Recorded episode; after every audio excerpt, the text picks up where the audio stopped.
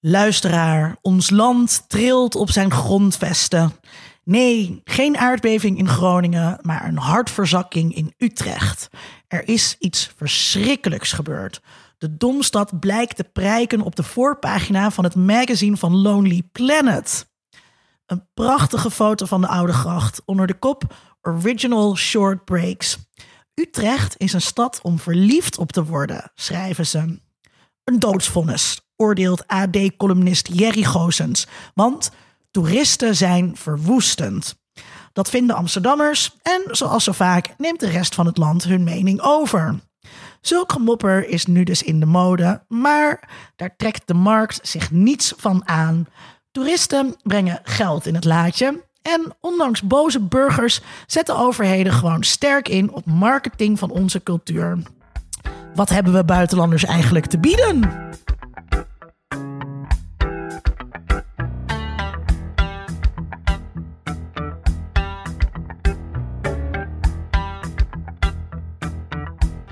Vanuit Amsterdam is dit Onder Media Doctoren, de podcast waarin communicatiewetenschappers zich verwonderen over de media.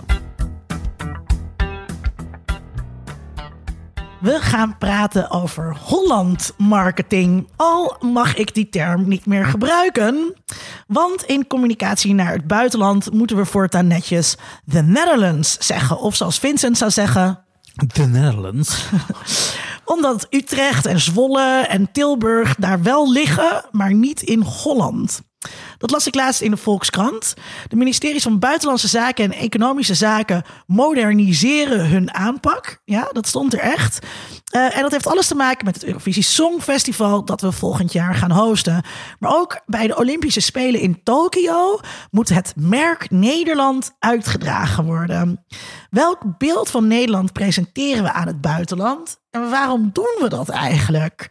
Daar gaan we ons vandaag over verwonderen. En dat doen we met Twaan. Twan, Twaan. Ik ga hem niet weer opnieuw doen hoor, luisteraar. Deze teken is al vijf keer Twan overgegaan. Twan Minnaert. Twan Minnaert, universitair docent aan de... Wat voor universiteit van Nederland? De, de allerbeste. De allerbeste, allermooiste. In de mooiste stad. Een stad om verliefd op te worden. De Universiteit Utrecht. En Twan is gepromoveerd op een proefschrift. En dat heet Verbinden en Verbeelden. De rol van nationale identiteit in het internationaal cultuurbeleid. De perfecte gast. Leuk dat je er bent. Welkom Twan. Dankjewel. Ja, um, Ton, was je blij of geschrokken met de Utrecht-promotie in Lonely Planet? Was zowel blij als geschrokken, maar niet verbaasd. Het is een stad die zo prachtig is dat ik er in ieder verliefd op ben geworden. En ik snap heel goed dat er een alternatief voor Amsterdam gezocht moet worden. En, en, maar, en, denk je dat het ook op die manier is ingestoken? Zit, zitten, zitten hier uh, Nederlandse ambtenaren achter die de, die, de, die de druk van Amsterdam willen verschuiven naar Utrecht en gelobbyd hebben bij Lonely Planet om dit zo op het magazine te krijgen? Nou, ik denk wel dat steden zelf op zoek zijn om toeristen te trekken. Utrecht wordt ook de eerste stad waar de drie grote rondes gestart zijn: de Tour de France, de Vuelta en de Giro. Dat is wielrennen. Dus, dat is wielrennen. Ja, ja, ik weet nog dat ik dat heel wonderlijk vond: de Tour de France en dan in Utrecht. En dan de Giro en nu de Vuelta. En daarmee wordt Utrecht de eerste stad in de wereld die dat voor elkaar heeft gekregen. Wauw. Nou. Het, het, is maar net waar je trots op bent. Maar nee, ik, wat ik over Utrecht hoor, en ik kom daar nog wel eens. Um, ik ga er ook heel graag weer weg. Uh, nee, Vincent, we oh, zouden hier van een Utrecht promo-aflevering oh, ja, maken. Waarin ja. we nou eens een keertje niet naar doen over nee, de regio. Het, nee, maar het credo van Utrecht is altijd... het is net als Amsterdam zonder al die stomme toeristen. Dat is ongeveer... Oh, ik, uh, ik, zeg altijd, het is net als Amsterdam... maar dan met maar één maar, gracht en maar twee leuke cafés. Maar jij komt uit die, uit, uit die contraien. Ja, daarom, daarom woon ik daar ook niet meer. Vervult het van jou met trots? Dat je denkt, nou, toch mijn stadsie. Nee, het is dus juist helemaal niet. Dus, het is een beetje zeg maar of je, of je uit, de, uit de rook van Deventer komt en dat je dan denkt: ik ga in Deventer studeren. Ja. Maar je hebt geen verbindenis dan meer dat je nee, denkt... Ik, nu wel, want nu ben ik verbonden aan de beste universiteit van het land. De Universiteit Utrecht. Wij moeten dit helemaal niet zeggen. We worden niet eens gesponsord door de Universiteit nee, Utrecht. kijk, ik weet niet welke ranking je aanhoudt. Maar... Ja. maar kijk, ik ben inmiddels 42. Dat jeugdtrauma, dat ben ik wel ontlopen. Maar toen ik, toen ik, toen ik puberleeftijd had... Ja, de, Utrecht was de plek waar je je wiet ging kopen... als de koffieshop in Zeist weer eens dichtgegooid was. En dat, en dat was het wel. Een beetje het Sodom en Gomorra van de regio. Dat... Nee, helemaal niet. Nee, ik, wij, wij vonden dat gewoon. Ik ging toen al heel vaak naar Amsterdam. En Amsterdam, dat, dat was waar je heen wilde. Ja.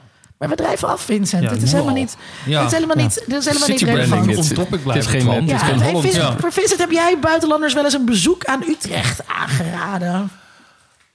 Ehm, nee, volgens mij niet.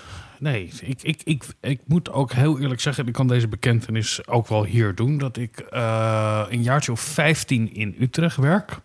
En dat ik de route vanaf Hoogkaterijnen naar het werk op de Kromnieuwgracht Winkelhart van Nederland. en alles binnen 30 meter vanaf die route links en rechts redelijk goed ken.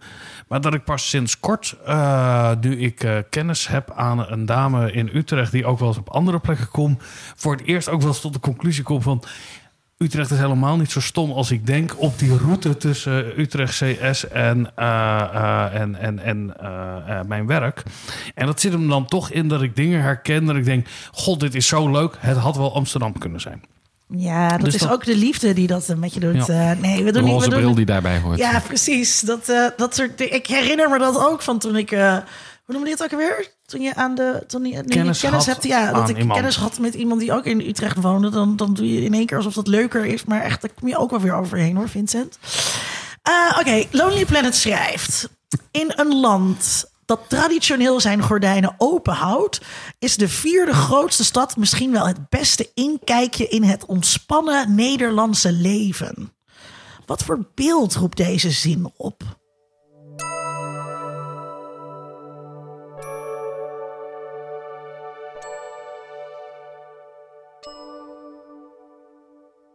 Hey Vincent, Elenda.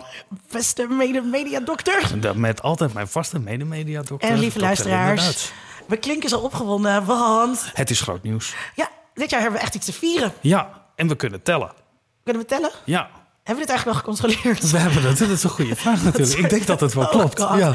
Nu. Volgens onze eigen gegevens. Volgens onze eigen gegevens. Wat is er aan de hand, Linda? We gaan dit jaar nog, dit kalenderjaar nog, onze honderdste aflevering opnemen. 100, 100. Ja, Ja. Nou, en eh, dat gaan we vieren. groots. Groots vieren. Wij gaan groots uitpakken. En dat wordt een groot jubileum. Ja, wij En dat doen wij op 6 december. 6 december. Dus eh, als je alle surprises al hebt uitgepakt... of je haat gewoon Sinterklaas... en je wilt dat eh, graag daarna delen met andere mensen die dat Precies. ook haten... Vrijdagavond 6 december. in Sexyland. Wij hebben Sexyland voor jullie afgehuurd. Sociëteit Sexyland. Ja, jullie. Dus dat zijn onze luisteraars. We gaan het groots aanpakken. We gaan alle mensen die ooit te gast zijn geweest... in die 100 afleveringen gaan we uitnodigen. Dus als je nou nog een vraag hebt uit iemand uit aflevering 23... Ja, dan of kan dat- 46, kan dat of gewoon. 76, of aflevering 1... maar dat waren we zelf vooral, geloof ik... De deskundige. kan je die gewoon Ja. eh, eh, live, eh, Ja. live aanwezig zijn daar dan gewoon. En wij zijn er ook. Wij zijn er ook. En er is eh, zang, dans en catering. Zangdans en catering. Komt alles, zet het in je agenda. 6 december, de honderdste van alle de honderdste van onder mediadoctoren. Dodan. Dodan.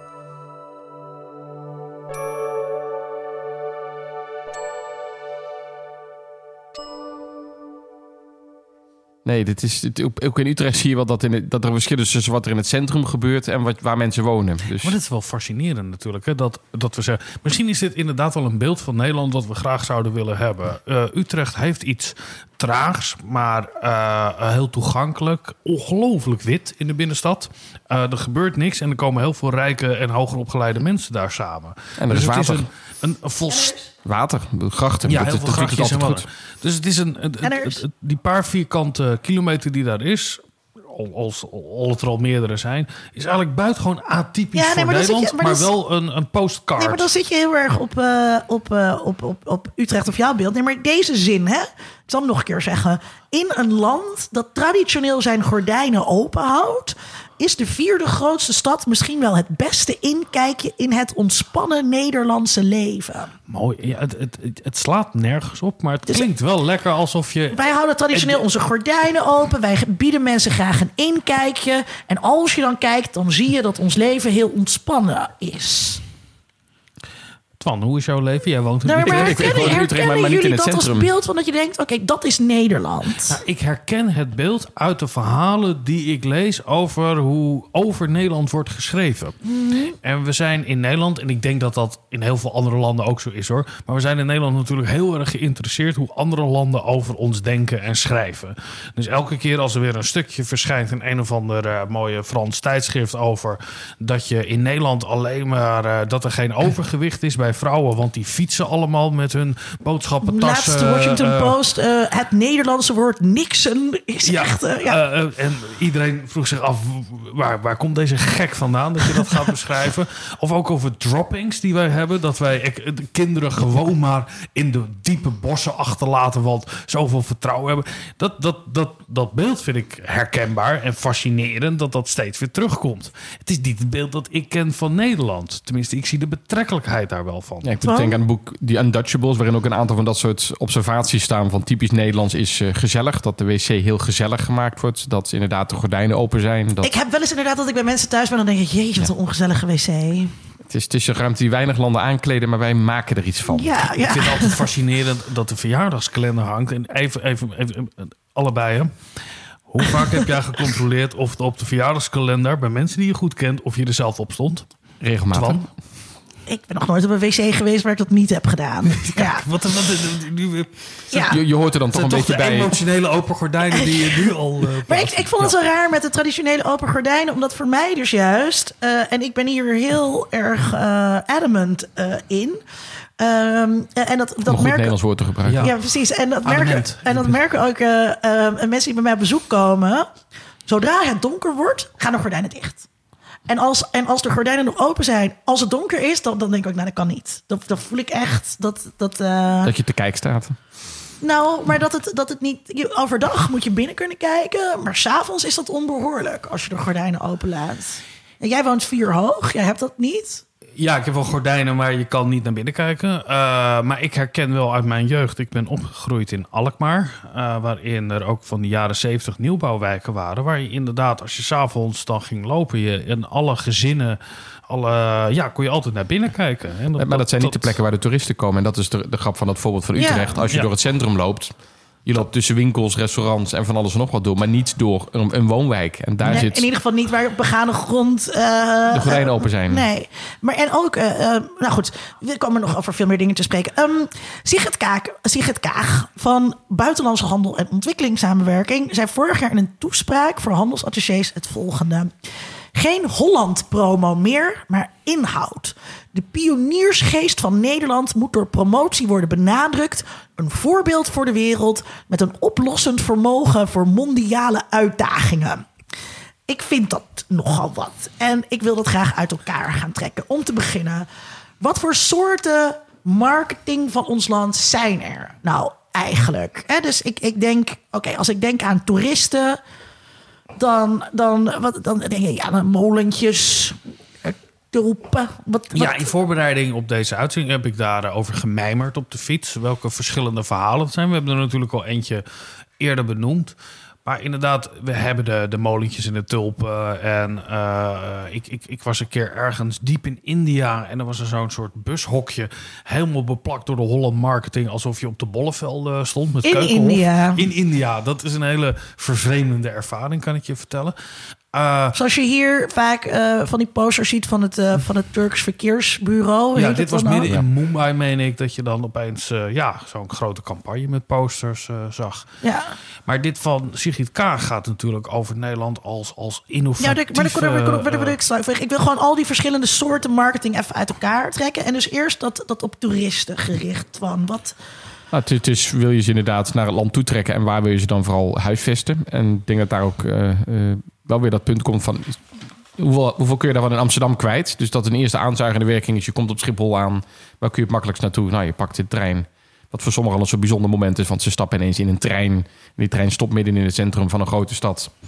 En dat is het dan, dus dat je een deel daarvan daar kwijt kan. En dat als je vervolgens kijkt naar het beeld wat er dan van Nederland is, dat is wat je als toerist op die bus kan nemen. Langs de, langs de molens, langs de tulpenvelden. Dus als je zelf als Nederlander ook een keer zo'n tour neemt, dan zie je waarom dat beeld bestaat. Ehm, dus daar komt een belangrijk deel van dat beeld vandaan. En dat nu steden eigenlijk dat willen afpakken van Amsterdam en zeggen: ja, maar wij hebben ook wat te bieden. Dus dat daarom ook juist die steden heel erg bezig zijn om hun eigen verhaal te vertellen. En uh, daar horen dus ook dit soort, dit soort beelden bij. Inderdaad, in Utrecht als fietsstad. Uh, dus je kan gaan naar, uh, naar Arnhem en die zal zeggen, we zijn Utrecht, een modestad. Sorry, wacht even. Voor Utrecht wordt gepromoot als fietsstad? het is een stad waar de, de grootste fietsenstalling van de wereld staat. Waar dus de drie fietsrondes ge, ge, gehuisvest zijn straks. Dit is wel reden waarom ik tegen mensen zou zeggen dat je... dat die wielrenrondes ook iets te maken heeft met als fietsstad. Want Utrecht doet wel heel veel aan fiets. De, de drukste oh, fietsroutes van Nederland zijn volgens mij in Utrecht. Dus ja. het stuk van, van, de, van het de station als je ja. richting uh, Utrecht Science Park, wat voorheen de Uithof heette, maar nu Utrecht Science Park. Dat is één grote file van fietsers. Dus dat zijn de drukste fietspaden ook van Nederland. Dus ja. de, het feit dat we in de buurt van ons werk niet kunnen oversteken, heeft van alles te maken. Mensen fietsen ook belachelijk hard in Utrecht. En vooral elektrische fietsen is ja. dan ook weer een nieuw handelsproduct. Van, nou, hoe, hoe, fietsen we dan? We fietsen met een elektrische fiets vervoerd oh, door het dus het beeld van Utrecht is echt Utrecht fietsstad. Dus heel veel fietsroutes van en naar uh, uh, ja, allerlei uh, uithoeken van Utrecht. Dus dat je een hele goede fietsroute hebt naar Leidse Rijn, naar Lunetten, naar de Uithof, Utrecht Science Park. En Ja. Dus dat je op die manier eh, vooral zoveel mogelijk vervoer in die stad via de fiets wil hebben. Dat, dat is eigenlijk meer wat erachter ligt. Dus daarom zie je ook al die toeristen tegenwoordig op fietsen. dat Waarom is- zij als toerist je van de ene plek naar de andere plek verplaatsen. Anders dan dat eigenlijk wordt gepromoot dat je in Nederland echt kan ervaren. Ik, door te even, gaan even fietsen. een leuke anekdote eh, eh, tussendoor. Ik, kom, ik, kom, ik kom ben dus net terug van, eh, van reizen en ik zat in een hostel. en daar praatte ik met een beetje een dommige eh Canadees. En die was net in Amsterdam geweest. En die zei ook, ja, ik was er gaan fietsen. Maar ja, het is best wel gevaarlijk. En hij zei, ja, je kan helemaal niet zien waar het fietspad is. Weet je wat ze zouden moeten doen? Ze zouden met een kleur moeten aangeven welk deel het fietspad is. Was het een Belg? Of, eh? Nee, het was een Canadees. Dus ik viel echt van mijn fiets. Van mijn spreekwoordelijke fiets. Niet mijn letterlijke fiets. Dus ik zei... Maar dat hebben we. Het is rood en er staan afbeeldingen van een fiets op afgebeeld. Ja, en hij- had het helemaal gemist. Maar dat was even een anekdote Zij op tussendoor. de A2 of op de Maar A10. het, het- het- wat ik interessant vind, dat het tradi- in Amsterdam. eh, kijk, als je nu op Schiphol aankomt, dan krijg je heel veel Rembrandt en Vermeer en eh, eh, di- diamond shops, eh, zeker voor Amsterdam, dat zie je. Maar er is ook een, een verhaal helemaal getracht weg te krijgen. Dat is dat je vroeger op het Damrak liep, ik weet niet of je dat kan herinneren, dat je allemaal ansichtkaarten met ontblote dames die dan eh, op, op, op heel veel piemels en, en, en, en jointjes die op, op een bepaalde openings... Jointjes op Oh, en piemels. ja, eh, eh, en dan heel veel daarvan. En dat is dat hele verhaal over Amsterdam is de dirty weekend waar je naartoe gaat en met eh, dat het openlijk geadverteerd werd. Dat is helemaal weg. Maar de mensen komen toch wel. Ja, Dat ze verhaal weten hoef je niet nog meer te wel. vertellen. Nou, het, het, nee, ik Maar denk mag dat, niet meer? Want ik weet Nee, dat er is- bij de, bij de, de, de, de rode loper, hè, het uitleggen Ja. van eh, eh, een bepaalde route door Amsterdam, moest eh, dat dan ook opgeknapt worden. Een bepaalde neonreclame mocht niet meer.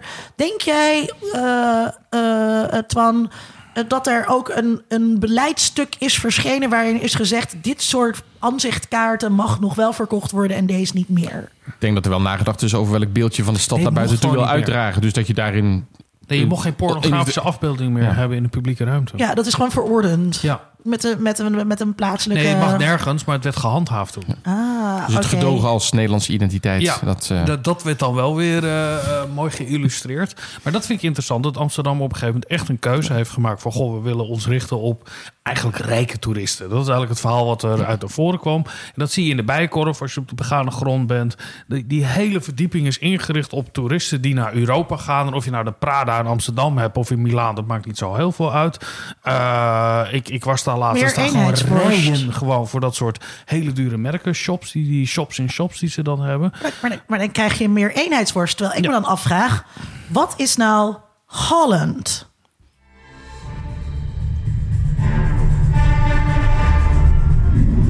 Mijn naam is Joost van Berkel en ik ben eh, commercieel directeur bij Disneyland.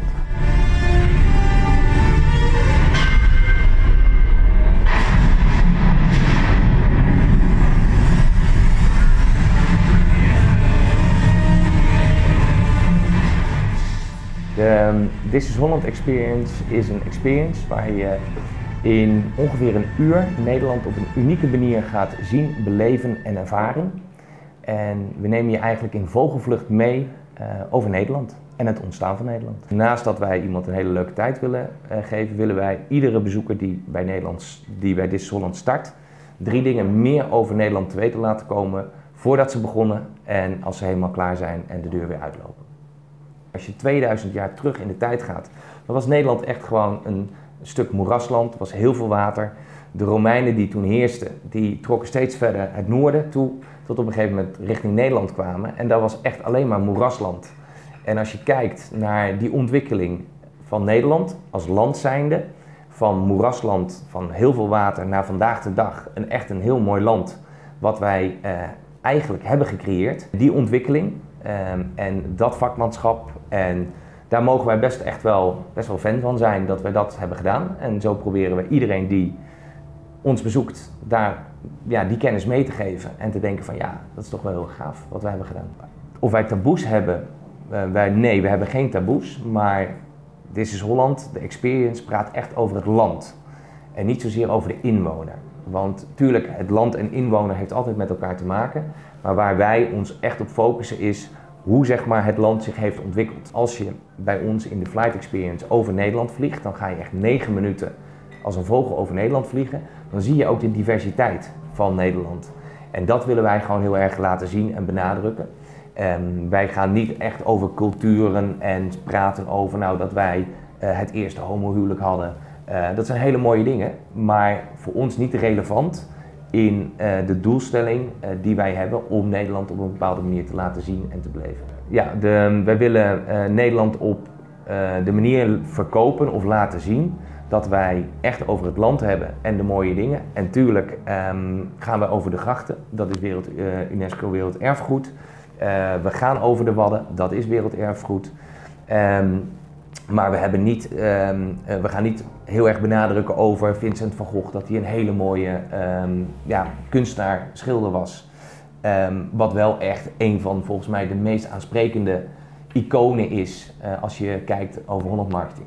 De hoofdidee wat we hadden, of hebben, is de vlucht. Daar is het allemaal mee ontstaan. Uh, dat we echt een flight experience zijn. Dat je het gevoel hebt over Nederland te vliegen. En de vervolgstap hebben we gemaakt van... We willen daar iets meer over vertellen, over dat land en hoe dat is ontstaan. En dan is eigenlijk de stap die daarna weer gaat komen...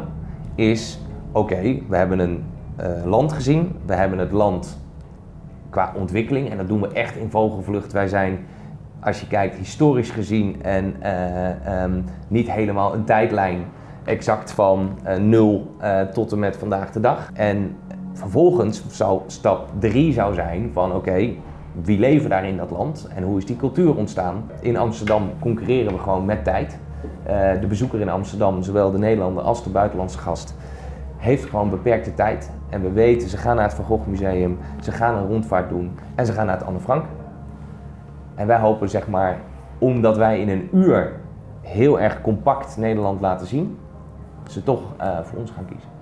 Met de, met de flight experience, de vlucht zelf, dat eigenlijk onze hoofdattractie, creëren we uh, deels een bepaalde verwachting. Want wij laten Nederland uh, in een diversiteit zien. We laten een aantal highlights zien. We gaan bijvoorbeeld, zoals ik net zei, over de Wadden. Maar we gaan ook over Amsterdam, we gaan over Rotterdam, we gaan over de uh, Oostvaardersplassen. Waar de, de koningspaarden rennen. Die zie je gewoon echt rennen. Ga je die als je naar de Oostvaardersplassen gaat, ga je die paarden ook daar zien rennen. Nou, dat, die kans is er, maar dat hoeft niet altijd zo te zijn. Um, maar de uh, verwachting die we creëren is um, dat wij een heel mooi land zijn. En wat wij ook hopen te doen, met, doordat wij allemaal verschillende elementen laten zien van Nederland, dat we ook ze verleiden om die plekken te gaan, echt daadwerkelijk te gaan bezoeken. En daardoor proberen wij zeg maar, met ons stukje attractie eigenlijk een, vaak een startpunt te zijn voor de bezoeker. Zeker de buitenlandse gast die, die Nederland aandoet. Veelal gaat naar Amsterdam. Maar dat we ze hier laten zien hoe divers en hoe mooi Nederland is dat zij ook andere plekken in Nederland gaan bezoeken. En daarbij dragen we dan weer een klein beetje bij aan de filosofie die uh, MBTC Holland Marketing heeft, uh, die Amsterdam Marketing heeft, uh, met betrekking tot de spreiding van de gasten in Nederland.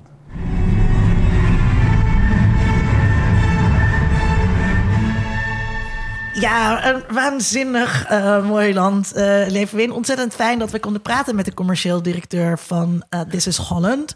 Um, wat mij opviel, Twan, is dat hij een onderscheid maakt tussen het land en de inwoners. Kan dat wel?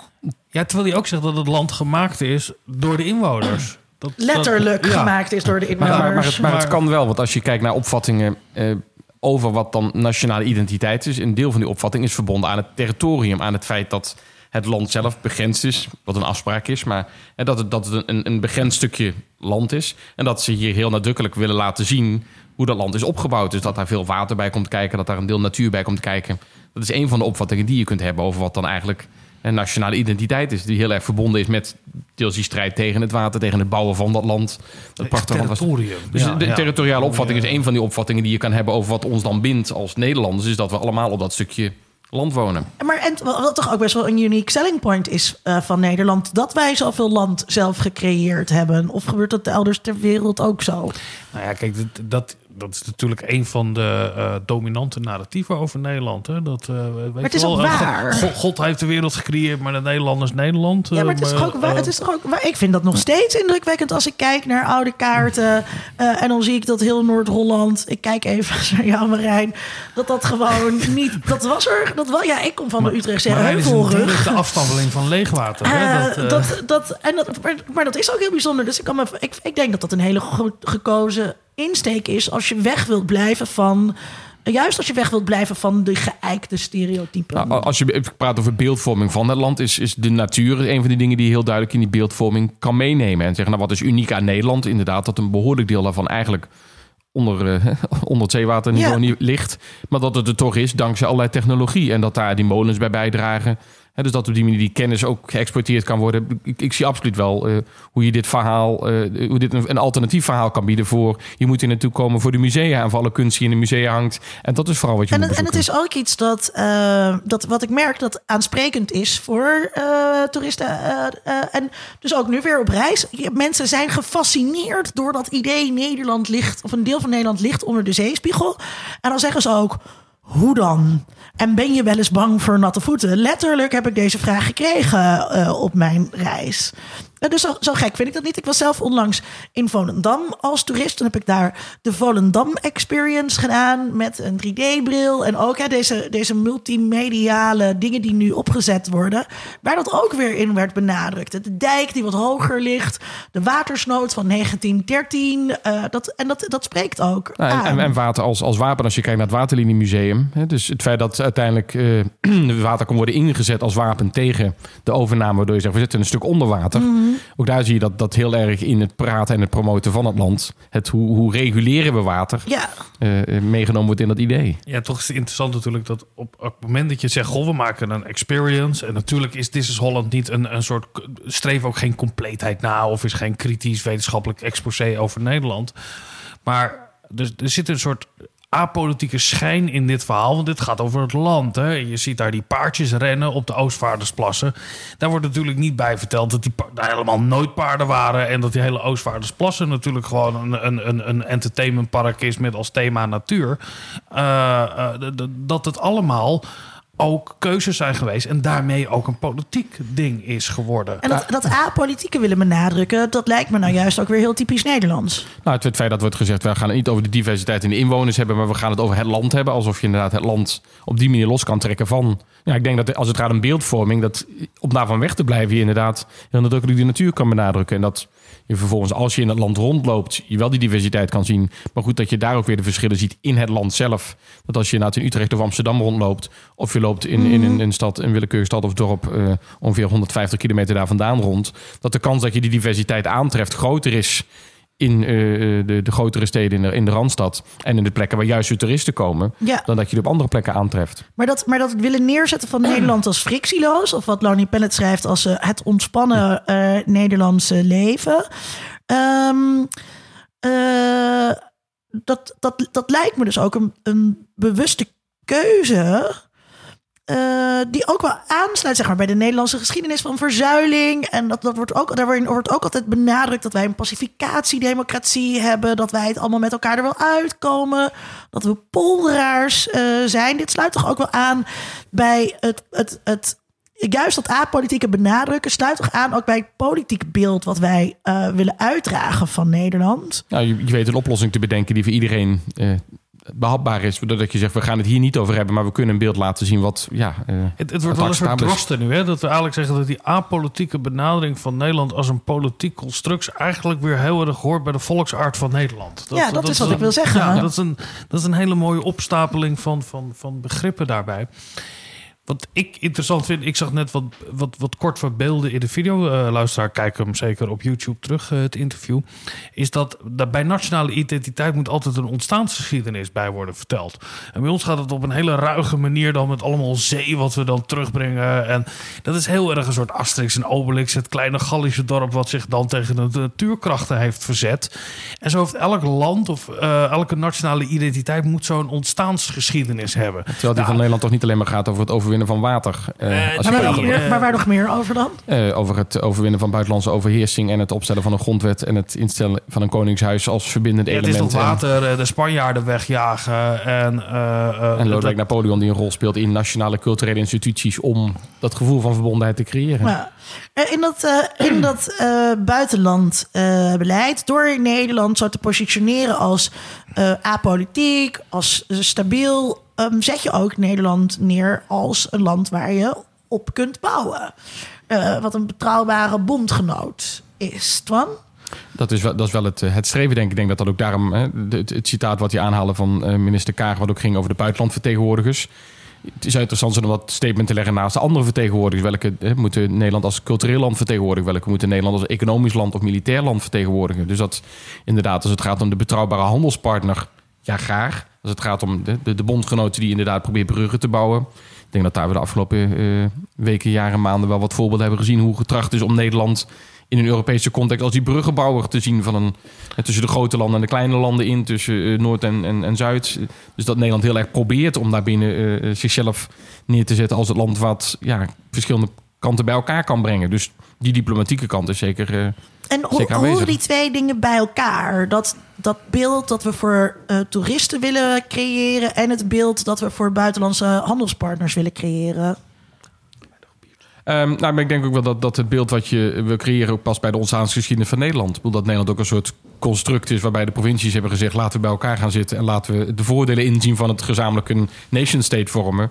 Dus dat ergens het onderhandelen, de waterschappen die ook moeten gaan onderhandelen omdat we gezamenlijk toch die strijd tegen het water moeten leveren. Dus dat ergens dat polderen ook wel een geschiedenis kent in hoe, de- hoe het land überhaupt is ontstaan. Polderen is zowel een, eh, een benaming voor het winnen van land als voor ehm, het land eh, tevreden houden. En, en het, het collectieve Overleggen. belang dat je beter kan polderen omdat anders we allemaal verzuipen. Dus ja, je zal het er ergens eens moeten worden om te voorkomen dat het, dat Ja. het fout gaat. Dat Ja. valt me inderdaad op. Dat, dat, soms is er dan weer eens een ophef... omdat er een lid van een koninklijk huis... of de, de koninklijke familie zelf naar Saudi-Arabië gaat of zo. En dan is een zo'n ophef du jour. Dat duurt dan precies één dag. Maar eigenlijk vinden we... eh, sch- schijnbaar, je moet concluderen dat we het niet echt erg vinden. Dat we niet echt principieel voor een moreel standpunt willen hebben... dat de Nederlandse identiteit en een, en een, en een, en een doorvrochte morele positie niet samengaan. Eh, ik las laatst een mooi eh, artikel. Ik hoop dat het in NRC was, maar het zou ook in Volkskrant kunnen zijn geweest.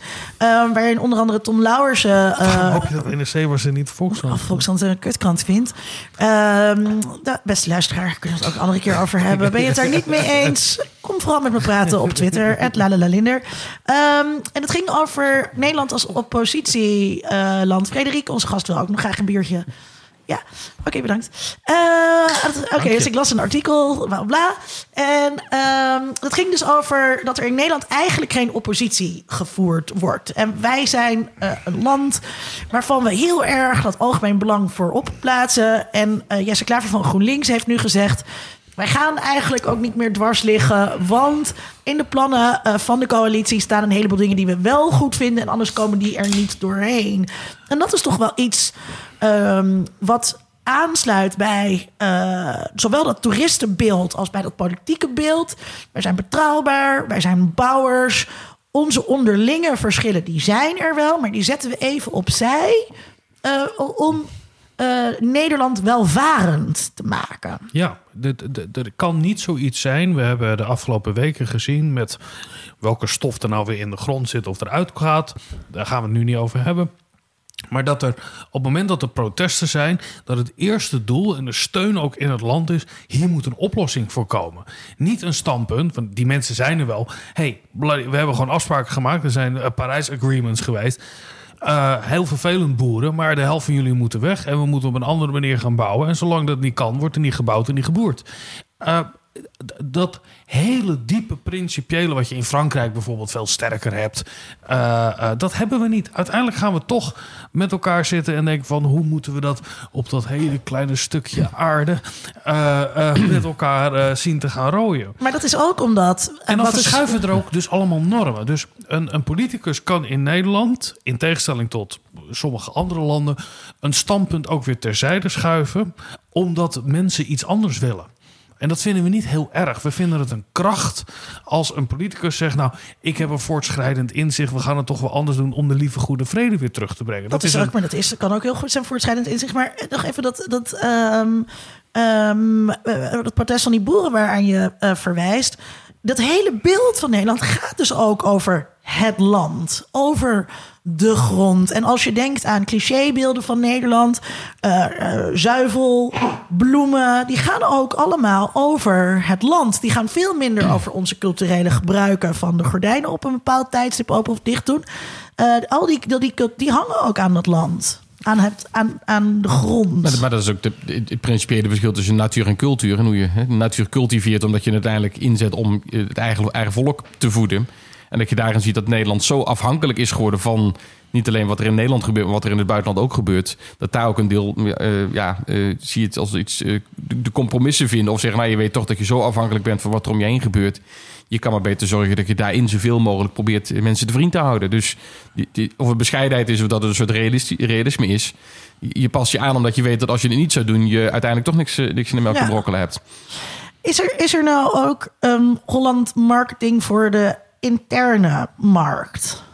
Ik denk dat als het gaat om poli de, juist de politiek, dat daarin nadrukkelijk wel die interne marketing zit. Dat uh, de opkomst van uh, een, een, deel van de populistische partijen te verklaren is, omdat er een duidelijke behoefte is om precies dat idee van het nationale belang veel meer naar de voorgrond te brengen dan, dan voorheen het geval was. Dus dat het een vrij letterlijke vertaalslag is van hoe uh, men zich niet gehoord voelde door partijen die juist heel erg dat cosmopolitische gedachtegoed. En het is goed dat we Nederland in de grotere context der dingen zien.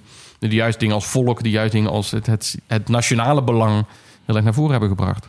Ja, je ziet het bij, nu bij Forum voor Democratie, die werkelijk. Uh, ik, ik moet, moet ik me genuanceerd uitdrukken of moet ik zeggen wat Heb ik denk? Heb je je ooit genuanceerd nee. uitgedrukt in deze podcast? Nee, maar de, de bespottelijkheid over een Thierry Baudet... die, die als, als, als slans geschiedenisleraar dan gaat staan... fout na fout stapelt. Hij stond, hij stond, al, hij stond voor de... claimt als een soort, een soort Hollandse... Maar hij, hij, stond voor de akte van verlatingen... en hij claimde dat het iets anders was of andersom. Nou, maar dat je... Het is natuurlijk een opkomende partij, wat het nog altijd is. De eerste stap die zij doen... Hè, de eerste verhaal wat zij aan hun eigen kiezers en potentiële kiezers is een nationale geschiedenisles gaan geven. Dat is natuurlijk een fascinerende stap in onze hele idee over hoe, hoe de democratie moet gaan werken. Schijnbaar is het zo dat je een interpretatie van de geschiedenis een, een, een blauwdruk kan zijn, ook hoe je verkiezingsprogramma eruit gaat zien. En dit is heel letterlijk. Ik kan me nog herinneren met uh, Verdonk. Wat, wat is dan die Holland marketing van, van Forum? Kan je die samenvatten in een paar woorden? Wat, wat waar hij op wijst, is dat we eigenlijk al dat we nu in een oneigenlijke staat zijn van wat Nederland en Nederlanderschap is. Dat er vroeger een betere situatie was waarin we naar terug moeten, waarin we weer voor onze eigen rechten op kunnen komen, waarin we weer trots kunnen zijn op ons land, over onze eigen gebruiken, gewoontes en wat dan ook. Uh, Zoals gaan. die van uh, buitenland, eigenlijk Joodse filosofen. Die, die helemaal geen thuis konden vinden in Nederland. Precies. Nou, die ontstaansgeschiedenis is inderdaad wat complexer dan... Het is saai uh, ja. de grondwet getekend. Wat er allemaal ja. uh, uh, vergankelijk aan is. En dan doe je dat ook in, met maar, een logootje met een Grieks tempelfrontje. Maar eh, het, het, je ziet dat dat eh, op is gekomen, dit, dit, dit populisme. eh, deze vorm, deze hele spe- specifieke vorm, dat zeg je ook bij Rita Verdonk, die natuurlijk al op een VOC-schip stond of aan het roer stond. Precies dezelfde poster hebben we met Geert Wereld eh, en Hero Brinkman gehad, die ook op een of ander VOC-schip stonden. Eh, dat soort- vooruit. eh, recht, ja. Niet links, niet rechts, recht eh, en Rita Verdonk waarschuwde al dat ze overal slavernijmonumenten wilden neerzetten. Ehm, kortom, je ziet dat door je eigen geschiedenis opnieuw te gaan vertellen, dat dat een hele goede manier is van Holland marketing. Van welk Nederland wil je nou eigenlijk hebben? Maar, maar daar zit wel, als je kijkt op, op welke fronten ze vervolgens die discussie zijn gaan voeren, was het niet zozeer op het front van cultuur. Ik want het staat heel haaks- naar integratie en immigratie. Dus voor hen was het idee dat je op welke plek moet je gaan praten over cultuurverschillen. Dat is heel nadrukkelijk door die partijen eigenlijk uit de vraag van hoe ga je om met nationale cultuur om. Maar veel meer naar de vraag hoe ga je over de integratie en immigratie praten. Ja. Dus juist het lostrekken van dat idee van een gedeelde cultuur meer heel erg zeggen. Nee, al- als je praat over eh, verschillende bevolkingsgroepen, hoe moeten we die eigenlijk plaatsen in die Nederlandse samenleving? Is dat heel duidelijk getrokken in een discussie over immigratie, integratie en de participatiesamenleving. En uiteindelijk ook het rapport met de reactie op dat WR-rapport waar eh, Maxima ooit zei van de Nederlander bestaat niet. Eh, Ja. Jammer dat de voor de discussie alleen maar ging over haar opmerkingen, niet over het rapport zelf. Maar de kabinetsreactie op dat rapport ging ook heel duidelijk over van ja, eh, de- je moet zelf actief deel gaan nemen aan die Nederlandse samenleving. Dus werd ik losgetrokken van welke cultuurrol dan ook, maar juist het idee van burgerschap als een soort neutrale term. Van je, gaat, je gaat als burger, ben je onderdeel van Nederland. En, en hoe integreer je nou door je vooral zo goed mogelijk als burger te, te, te eh, gedragen? Maar je ziet wel dat de politieke keuzes zijn gemaakt die anders zijn dan 20 jaar geleden. Eh, deel van jouw proefschrift gaat erover. Bijvoorbeeld die enorme aandacht die er is gekomen voor erfgoed. We hadden het 25 jaar geleden echt een heel stuk minder over erfgoed. En het behoud van. Dat, ja, letterlijk gaat erfgoed over hoe kunnen we behouden wat we hebben. En dan gaat het eh, inderdaad ook over de molentjes en over eh, eh, allemaal dat. Daar zie je wel een verschuiving. Dat de steun die er is voor heel progressieve culturele uitingen. die er in de jaren 70 en 80 veel sterker waren. Ja, dat, daarmee is eh, en dan ben ik benieuwd wat jij erover denkt. Dat bepaalde cultuur, bepaalde genres misschien ook politiek zijn eh, gekleurd. Dat bepaalde onbegrijpelijke kunst is links. Begrijpelijke kunst is rechts. Thierry Baudet heeft min of meer een oproep gedaan tegen de abstractie en de moderniteit. Historisch gezien zijn er eerdere leiders geweest in Europa die dat ook hebben gedaan, maar dit even terzijde. Eh, daarin zie je dat die oproep eh, eh, ook weer terug is naar een soort, soort, soort ja, de, die 17e eeuw, eh dat erfgoed wat daar weer in gevierd moet worden. Maar het, sta- het staat dus allemaal zo haaks op wat we net eerder eh, zagen. Wat in die Holland, eh Dit is Holland wordt benadrukt, dat is het land. Dus dat gaat helemaal niet over eh, de cultuur. In die buitenlandpolitiek gaat het heel erg over de eendrachtigheid van Nederland. Over de betrouwbaarheid, over het gebrek aan conflict eigenlijk. Terwijl ehm, in die eh, interne populistische eh, propaganda, als je, het, als je het zo zou willen noemen. Hebben we ook een keer een aflevering afgemaakt Cees luisteraar over met, met Cees Hamelink over propaganda. Ehm kiezen ze dus een hele andere weg, die andere mensen dus juist helemaal niet kenmerkend vinden voor. Met, voor maar daar zit dus weer die verschillende opvattingen over wat je als nationale identiteit ziet. Er is een opvatting die zegt culturele identiteit is nationale identiteit. Dus het, het feit dat een land gekenmerkt wordt door zijn cultuur. Je hebt inderdaad eh, een meer constitutional patriotism. Het idee dat je, wat, wat delen wij als Nederlanders met elkaar? De grondwet. Dus dat je puur kijkt naar het burgerschap en welke rechten en plichten zijn er nou in de wet vastgelegd. En dat is wat je met elkaar deelt. En voor de rest deel je vooral niet allerlei cultureel dingen. Nee, je bent gewoon met elkaar verbonden door die grondwet. Door het feit dat je het van staatsburger een, bent. van een sociaal contract. Dus dat je gewoon een, socia- dat je bent staatsburger en hè, hoe treed je toe tot dat staatsburgerschap. En daar is de inter- intrigerende dat je daar dus nu een inburgeringscursus voor hebt. Waarin toch ergens bepaalde gebruiken en gewoonten worden ingebed. Dan moet je een kaartje sturen. Hoe- Hoeveel koekjes mag je iemand geven? En dat ergens die, die scheidslijn wellicht van... Hoe mag je nou toetreden tot eh, de staat der Nederlanden? Wanneer krijg je nou dat paspoort? Dus als je eigenlijk snapt wat voor wetten eh, daarbij horen... en welke rechten je daarbij aan Maar kan ik, ik, ontlenen. ik moet erom lachen, want het vervalt dus direct in knulligheden. Namelijk hoeveel koekjes, eh, eh, eh, zijn gepast. Ik weet dat er een keer een vraag in een examen stond over je, je buurvrouw krijgt een baby. Wat doe je? En dat is, dat is ontzettend knullig. En ik kan me haast niet voorstellen dat ze... Ik weet niet in wat voor landen er nog meer inburgeringsexamens zijn. in Frankrijk of in Duitsland. Dat het op zo'n knuiterig niveau gaat. Dat, is, dat lijkt me dan ook weer meteen ontzettend Het Nederlands. is de vraag van wil je inderdaad de volksaard toetsen? En daar zit dus weer een andere opvatting van wil je inderdaad vooral dat mensen snappen hoe Nederlanders in elkaar zitten, zo ze al bestaan. Hè? Dus dat Of wordt de, de volksaard gerepresenteerd eh, door de, eh, door de toets, door de aard van de toets. toets, ja. En Door de ik- opstellers van de toets Ik herinner me dat, dat, eh, Joep van het Hek zei van ja, als je nou eh, moet eigenlijk iedereen die, die, in, die Nederlander wil worden, moet je een aflevering laten kijken naar van de rijdende rechter. En dan nog eens vragen of ze nog willen komen. Vanuit Ja. het idee van als je echt meer kennis wil maken met de volksaard, van wat, hoe kan je nou een, een beeld krijgen van het land waar je terecht bent gekomen? Wat zijn dan Maar, het is, maar rijdenrechter is ook het ultieme voorbeeld van first world problems. Ja, ik, als jij in Syrië woont, dan denk je... ja, doe mij dat zo gezien met mijn buurman over hoe hoog zijn heg is. En die tak die bij mij overhangt, daar zijn blaadjes vallen bij mij in de tuin. ja, Maar Als ik nadenk over bijvoorbeeld een, een, een Canadese identiteit of de Amerikaans voor de part, en je hebt het over het landschap, hè, dan heb je inderdaad wel van de Rocky Mountains tot aan eh, de, de meren. En ik denk nooit zo over Nederland na in termen van landschappen of het land of toch echt het letterlijk eh, de, de, de soil waar wij op. Jij wel? ja man. Ja? Ja, Echt? dude, echt. Oké, ik ben... Oké, dus als ik een berg zie, dan ben ik echt zo... Oh mijn god, een berg. Er is een berg. Kijk hoe mooi deze berg is. Dan word ik helemaal opgewonden. Dan denk ik, hebben we thuis niet. En als ik water zie, denk ik... Ah, water. Heerlijk. Ik ben hier nu bij de Donau. Ik ben hier Ja, maar nu... nee, maar dat dat vind ik dan rustgevend. Dus ik, ontst- ik, ik, ik eh, voel een enorme connectie met dat typische Nederlandse landschap. Vooral als ik in het buitenland ben. Want Ja. je voelt je Nederlandse identiteit. Vooral als je ofwel met buitenlanders in Nederland bent. ofwel zelf als Nederlander in het buitenland bent. En dat was ik dus net.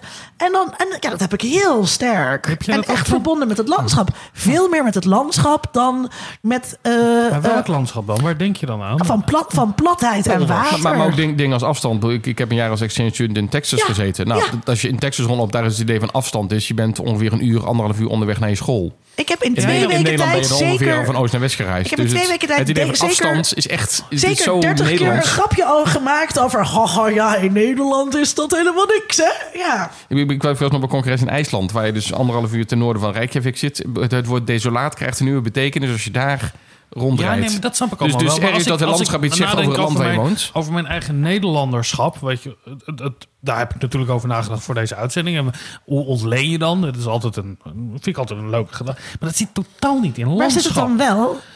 Nou, heel erg inderdaad. Koloniale overheersing? Eh, d- dat, dat, is- dat heb ik je in vertrouwen verteld, Linda. Daar zou je me niet mij Gewoon, het is gewoon een confronteren. open vraag. Eh, maar daar ga ik, straks, ga ik straks eh. dieper op in. Maar nee, dat zit wel heel erg met eh, de- nou, de grondwet, de, de red- wet en regelgeving. Maar die wij is toch hier niet zo heel veel eh, anders als je, als je naar Oostenrijk gaat? Ja, wel, toch wel. Maar, maar, Ja, maar, maar als we eh, praten over de, in, in, de politieke debat zie je daar dus ook precies die verschillen ontstaan. Dat je het ook niet met elkaar eens kan worden. Omdat de een zegt, voor mij is nationale identiteit die grondwet. De ander zegt, voor mij is het echt het land. De ander zegt, deze tradities en gebruiken zijn het voor mij. En dat je dus die verschillende opvattingen naast elkaar legt. Oké, Maar ik vind het e- even... Ja, Friesland net zo buitenland als Maar, Noord-Duitsland. maar Vincent, hoor. even. Jij bent in het buitenland en dan zit je met buitenlanders te praten over Nederland en dan begin jij over onze grondwet. Nee, ik heb vaak dat ik met buitenlanders heb gesproken die dan een week in Nederland zijn geweest en mij vertellen hoe prachtig de meren in Friesland zijn. Ik heb werkelijk geen idee. Nee, maar jij zei, ik ben benieuwd naar die verbondenheid. wanneer ervaar je dan die verbondenheid met de grondwet en hoe komt dat tot uiting? Ik heb dat ik eh, bijvoorbeeld dat ik in Nederland in tegenstelling tot heel veel andere landen de, eh, het vertrouwen heb in, in, in de rechtsstaat. Ik, vind, eh, ik, ik ben trots op het functioneren van de Nederlandse rechtsstaat. Ik heb echt het idee dat als ik nu naar buiten loop en een politieagent op zijn bek sla, dat ik opgepakt zal worden, naar een bureau ga, dat er iemand allemaal formulieren gaat invullen, dat ik moet uitleggen, ja, waarom sloeg hij hem dan op zijn bek? En dat vond Gerard helemaal niet leuk. En dan komt Gerard ook nog een keer langs en zegt... maar dat moet je echt niet doen. Dan moet ik het over drie weken Gerards voor... coach komt er dan ook bij, want die zat net al in een begeleidingstraject. bij Want hij had last van een een op zijn werk. zegt, en die zegt, nou meneer, waarom heeft u dat nou gedaan? Ik zeg, ja, maar ik had een podcast gemaakt en ik wil iets illustreren. Ja, dat snap ik ook wel. Maar aan de andere kant vindt Gerard toch niet leuk. Weet je wel dat het... Het is wel grappig dat je ook Eh. het functioneren van de rechtsstraat, rechtsstaat uit gaat leggen met ik sla de agent op zijn bek. Nee, maar dan, dat bedoel ik ermee. Zie je, soms ook wat een graafparallel die gewoon een steen eruit gooit en daarmee wil... Precies. Maar ik heb echt dat. Ik, ik denk dat er weinig. En ik, daar heb je ik het wil dan niet over in zeggen het dat dit de buitenland. lakmoesproef is, eh, luisteraar, die u moet nemen. Maar er zijn heel veel landen, bijna alle andere landen, dat als je een agent op zijn bek slaat, dat er niet een administratief proces op gang komt. Dan gaan hele andere dingen komen er op gang, maar niet een administratief ding. Ik wil hier graag wel even opmerken dat eh, Vincent een witte heteroseksuele man van een zekere leeftijd is. Dat is en waar. dat als je dat, Dat is niet waar, bent dat is waar. en je slaat een agent op ben zijn je bek. niet wit, cis, hetero, doe het niet. Maar ik, als witte hetero, zesman... Precies. ehm, Andere luisteraars, pas daar vooral mee op. Eh, Oké, nee, goh, interessant. Eh, interessant, Vincent. Ehm, Komt er nu een item waarin dit getoond wordt? Ja, dit. Als er nu een soort blurb is, Nederland is zo leuk, want je kan een agent op zijn bek ik, slaan. Dat ik is, ben nog eh, even bij die verschillende vormen van, eh, van marketing. Want wat, eh, in die quote van, eh, van Sigrid Kaag eh, gaat het heel erg over de pioniersgeest, het oplossend eh, vermogen, eh, de koopmansgeest. eh, Nederland als, ik krijg het mijn mond niet uit, brainport. Oh, oh, dat Fijn is dat ook we daar een- een goed Nederlands woord voor het is ook gevonden een hebben. woord dat alleen een Nederlandse ambtenaar zou kunnen verzinnen. In Eindhoven. In Eindhoven Ja, waarschijnlijk. maar toch, als het iets een poort van is, is het voor autisme. Maar dit terzijde. Wat is dat beeld, eh Twan? Nou, Als het gaat om het beeld, zie je dat dat voor een deel bepaald wordt toch door politiek. En daar is het, het, het spannende is dat als je vervolgens aan, als ik aan buitenlandse collega's vraag welk beeld heb je van Nederland, daar komt deze toespraak vrees ik niet echt terug. Maar gaat het toch vooral over de gekke dingen die nu weer in de politiek gebeuren. Eh, gaat het soms inderdaad over eh, eh, DJ's? Als ik zeggen, wat, wat, wat is dan het beeld dat ontstaat? Zit dat heel erg verbonden aan eh, Ja, ja, de, ja. de Nederlandse DJ's die het zo goed doen, die mensen met Nederland Oh, verbinden? zo of knap hè, van die Chesto. knap hè, dat je dat zomaar en dat, Oh, het Nederland zo man, heel goed terugkomt. En, maar de- En hij dus, is ook zo gewoon gebleven. Ja, dus daar zit inderdaad een soort beleidsrealiteit van hoe wil je ook binnenlands weer voorkomen, verkopen dat je investeert in dingen in het buitenland. Dus dat je daar aan de opbrengst van datgene wat je hier doet, niet alleen maar vertaalt wat je in Nederland eh, wat het opbrengt, maar ook hoe dat vooral een soort mondiaal eh, effect heeft. En daar zit misschien wel iets typisch Nederlands weer, dat we ook de opbrengst van het onderwijssysteem niet alleen zeggen wat levert het nou voor de Nederlandse markt op, ja. maar daar eigenlijk voortdurend mee bezig zijn van hoe vertalen we dit naar een, een, een wat bredere eh, opbrengst. Waarbij inderdaad hè, Nederland als, als plek in de wereld waar kennis over watermanagement bijeenkomt. Waar kennis over de Universiteit van Wageningen die onderzoek doet naar voedseltechnologie. Ja. Dus hoe je alles wat je hier doet, ook vooral in een soort Kennis exporteren. Ja, in een soort mondiale context plaatsen. Ja. Zeggen, daarom investeren wij hier. En daarom is het belangrijk dat we hier geld uitgeven. Niet één op één dat we dan als Nederland er iets op hebben. Maar, maar dat, dat je daarmee Nederland wel op de kaart zet. Om dat Ja. beleidsjargon dan ook maar te citeren. Als een plek waar inderdaad eh, verhoudingsgewijs veel universiteiten zijn. Waar verhoudingsgewijs veel eh, eh, eh, soorten onderzoek plaatsvinden. Waar Goede dus, universiteit ook, zoals die van Utrecht. Bijvoorbeeld. Eh, dus dat dat je daarmee wel, wel een, een plek creëert waarbij het, ook het onderwijssysteem niet alleen bedoeld is voor het opleiden van de eigen mensen, maar ook juist een plek is waar mensen naartoe gaan om hier opgeleid te worden. En dat zie je bij, bij, zelfs bij kunstacademies. Als je kijkt naar de gemiddelde populatie van de kunstacademie. Die, die is internationaal. Ja. Dus dat ook daar niet is van we leiden de mensen op voor onze eigen eh, kunstensector. Nee, we leiden mensen op zodat ze vervolgens Nu weet ik heel toevallig. jij Mag ik, mag ik heel even wat ik, wat ik, wat ik zelf wil? Ik, ik eh, doe nogal veel met eh, eh, gender en seksualiteit. En wij zijn een ex- extreme exporteur van seksuele voorlichting. Eh, er is laatst was er is een rapport uitgekomen van onderzoek van, eh, van Rutgers. eh, dat Nederlandse scholieren geven onze voorlichting een 5,8. Nou, dat is een, een universiteitsvoldoendetje. We zeggen, nou, klinkt goed. zesjescultuur ook daarin. Ja. Zes minnetjescultuur. En niet eens een zesjescultuur. Maar ehm, wij hebben ontzettend veel organisaties die gericht zijn op het exporteren van seksuele voorlichting. Waarin wij vooral naar eh, landen in Afrika gaan. Waar wij hen gaan vertellen hoe je eh condoomvoorlichting op moet We hebben zetten. een lange traditie dat we vooral andere mensen goed kunnen uitleggen hoe ze dingen anders moeten Maar dat is ook dat exporteren van kennis. Waar Is we niet een vaak. soort zendelingen-traditie waar het dan in Dominee staat? Koopman, ja, do, Ja. dominee Koopman bedoelt het feit dat je iets te vertellen hebt en dat je het ook Ja, op morele gronden ook vaak. Maar Dus soms op morele gronden, maar soms dus ook op technische gronden of gewoon eh, inhoudelijk. Wij Ja. willen heel graag kennis exporteren. Ja, dat, dat, dat, dat, ja, dat herken ik ook. En zeker als je wat meer reist, op een of andere manier kom je inderdaad ook overal wel eh, Nederlanders tegen. Die de, de, de, de wil om daar iets bij te dragen.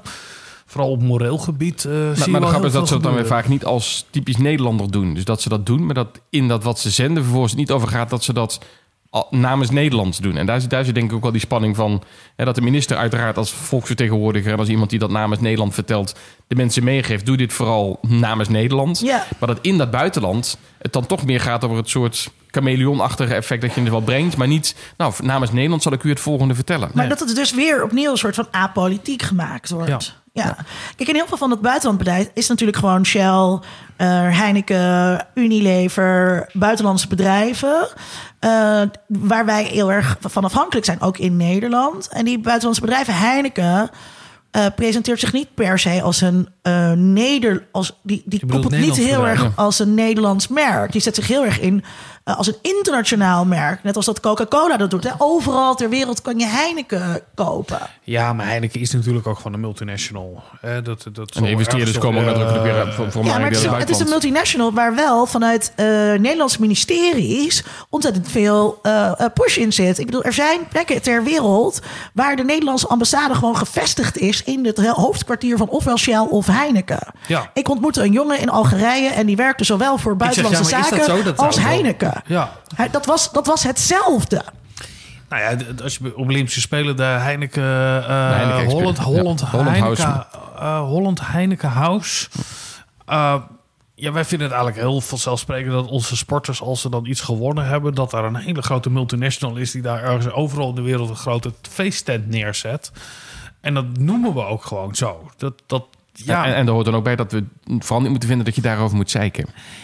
Eh, daar kunnen ook Poetin kan daar ook gewoon een biertje komen drinken met onze. Ja, maar, maar zijn wij nou eh, ook een land van innovatie? Is dat label terecht? Ik, ik denk dat als je kijkt waar een deel van de innovatie vandaan komt, ja, dan denk ik zeker op een aantal terreinen als, als dat voedseltechnologie, als een, een bedrijf als ASML, wat gewoon hè, mondiaal eh, de grootste is in de, de, de bouw van eh, machines voor semiconductors. Maar- dus Eindhoven als brainport of als plek, als technische universiteit die in allerlei plekken zit. En dan, maar dan loop ik toch weer aan tegen dat, dat populistische, waar die dan, die leggen daar nooit de nadruk op. Nee, maar omdat het ook voor een deel gaat over de opbrengst daarvan voor de mondiale gemeenschap. En dat is dus de vraag van ben je wetenschapper een bedrijf omdat je vindt dat je dat vooral in Nederland moet houden. Dus ter meerdere eer en glorie van het eigen land. Of zeg je nee, ik dien de wetenschap. En die wetenschap is transnationaal. Die gaat gewoon over eh, co- gesprekken met collega's waarbij het niet erom gaat van oh, jij bent een Italiaan, dus ik praat met jou in jouw hoedanigheid als Italiaan over dit onderwerp.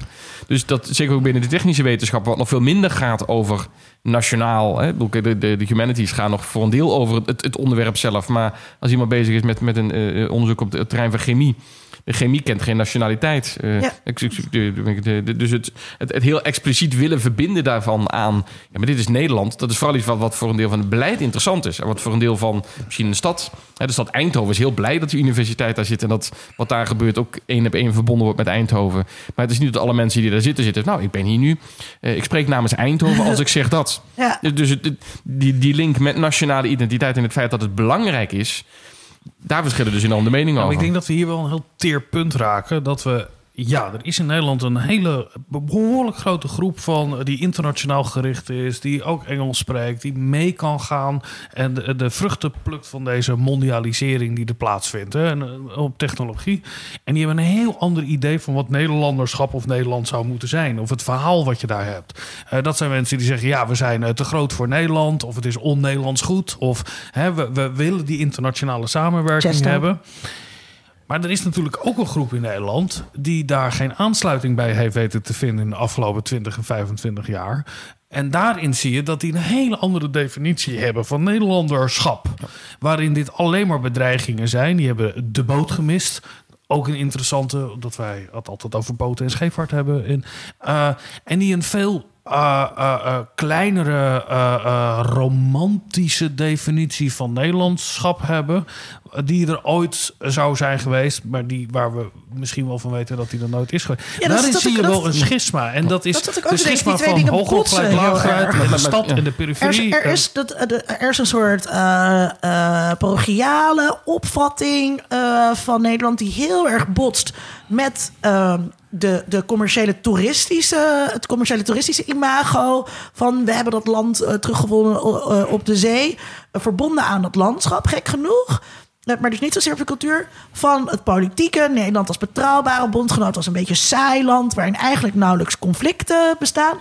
En dat botst enorm met dat populistisch beeld... waarin gezocht wordt naar een andere Nederlandse eh, eh, identiteit. Het gaat veel meer het idee van die traditionele identiteit, waarbij je terugkijkt naar de ontstaansgeschiedenis, waarbij je terugkijkt naar wat, wat verbindt ons dan. En dat inderdaad tra- tradities en, en, en gebruiken heel erg passen bij een, een vertrouwd beeld. Dus ik, daarom is ook een van de conclusies in mijn proefschrift gaat ook over dat het niet zozeer gaat om een verschuiving in dat, dat we een andere ideologie hebben, als wel dat de machtsverhoudingen verschuiven in het parlement. En dat je als gevolg daarvan ook ineens een ander soort opvatting terugvindt in dat beleid over hoe je daar Ja. tegenaan moet kijken. Dus het is niet dat we elkaar weten te overtuigen. Want als jij vindt dat de grondwet belangrijk is en ik zeg het gaat mij vooral om het grondgebied. Zolang we elkaar niet in de weg zitten, is het niet erg. Maar als je merkt Maar dat het, gaat elkaar, botsen. maar het zit elkaar dus eigenlijk ook niet in de weg. Want eh, ehm, de VVD vond het helemaal niet erg om met de PVV in een regering te gaan. Oké, dat is geklapt. Maar ik bedoel, uiteindelijk... eh, en er wordt heel veel gepraat over... eh, eh, die opkomst van populistisch recht. Maar als je ziet wat, wat voor agenda de regering uitvoert... dan is het gewoon de afbraak van publieke instituties... waar iedereen gewoon mee akkoord gaat. En die koers is best wel onomstreden. Ja, dat is deels de, de, de, de civil society. Als de samenleving gewoon het zelf oplost. En je, je neemt vooral deel aan die samenleving. En eh, je ziet dat ook überhaupt de discussie die nog in het parlement plaatsvindt... is hier nog representatief voor de, de discussie zoals die in de samenleving plaatsvindt. Dat, dat daar ook nadrukkelijk weer een aantal partijen op inspelen. En zeggen, ja, maar de discussie die jullie jarenlang hebben gevoerd... die gaat niet over wat de mensen vinden. Die gaat vooral over wat al hè, die multinationals vinden... wat die mensen die de boot wel of niet gemist hebben eh, eh, vinden. Ja, ik vind het wel grappig dat de, de, degenen die de boot gemist hebben, of eh, die volgens eh, de maatschappelijk teleurgestelden, zijn allemaal hele mooie termen voor. Ehm, die moeten altijd iets krijgen, natuurlijk, ook vanuit de politiek. Bijvoorbeeld dat erfgroepenbeleid, denk ik dat dat daar één op één eh, uit voortkomt. Kijk, uiteindelijk maakt het geen reet uit natuurlijk wat deze mensen vinden. Want ze doen er niet toe. En dat voelen ze en dat weten ze.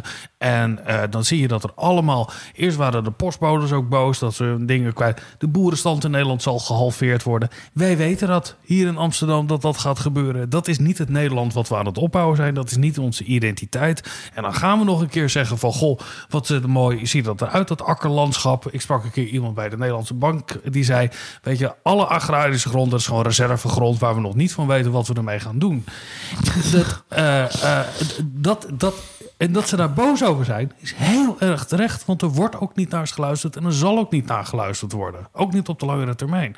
Maar die tweedeling die je ziet in de definitie van wat Nederland is, of een Nederlanderschap is, dat die vertegenwoordiging van best wel een grote groep, maar een onmachtige groep, die tweedeling, daar maak ik me wel eens zorgen over. Nou hebben we het gehad over dat toeristische beeld. Hebben we het gehad over het eh, geopolitieke beeld. Over het... Hey, daar gaat een Echo. lekkere echo in. Ehm, eh, en we, het woord cultuur is al een paar keer gevallen. Uh, Tanja, proefschrift gaat vooral over, over cultuurbeleid.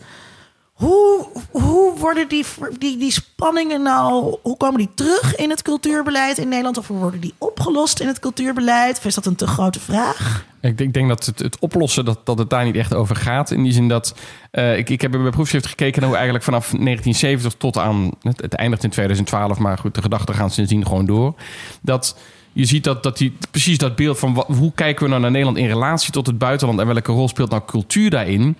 Dat in de beginperiode het vooral heel erg was... als je naar Nederland wil snappen, moet je de cultuur snappen. Dus we moeten vooral het buitenland cultuuruitingen laten zien. We moeten vooral ook burgers, hè, uitwisselingsprogramma's. Gewoon, Wat voor, wat voor cultuuruitingen dan, eh, dat, dat- nee, dat, dat ging over naar toneelgezelschappen die naar het buitenland gaan. Dat gaat over gewone burgers die middel van culturele vertragen naar het buitenland toe gaan met hun school. Om daar, hè, dus dat je burgers leerde kennen, zodat jouw jouw je, je beeld van wat de ander dan is, wordt bepaald door de mensen die je uit dat andere land kent. Dus dat je heel erg probeert om Nederland te definiëren aan de hand van zijn cultuur. En daar zit dus wel. eh, Ik heb ook idee, de, de- je had toen heel veel van die vriendschapsbanden.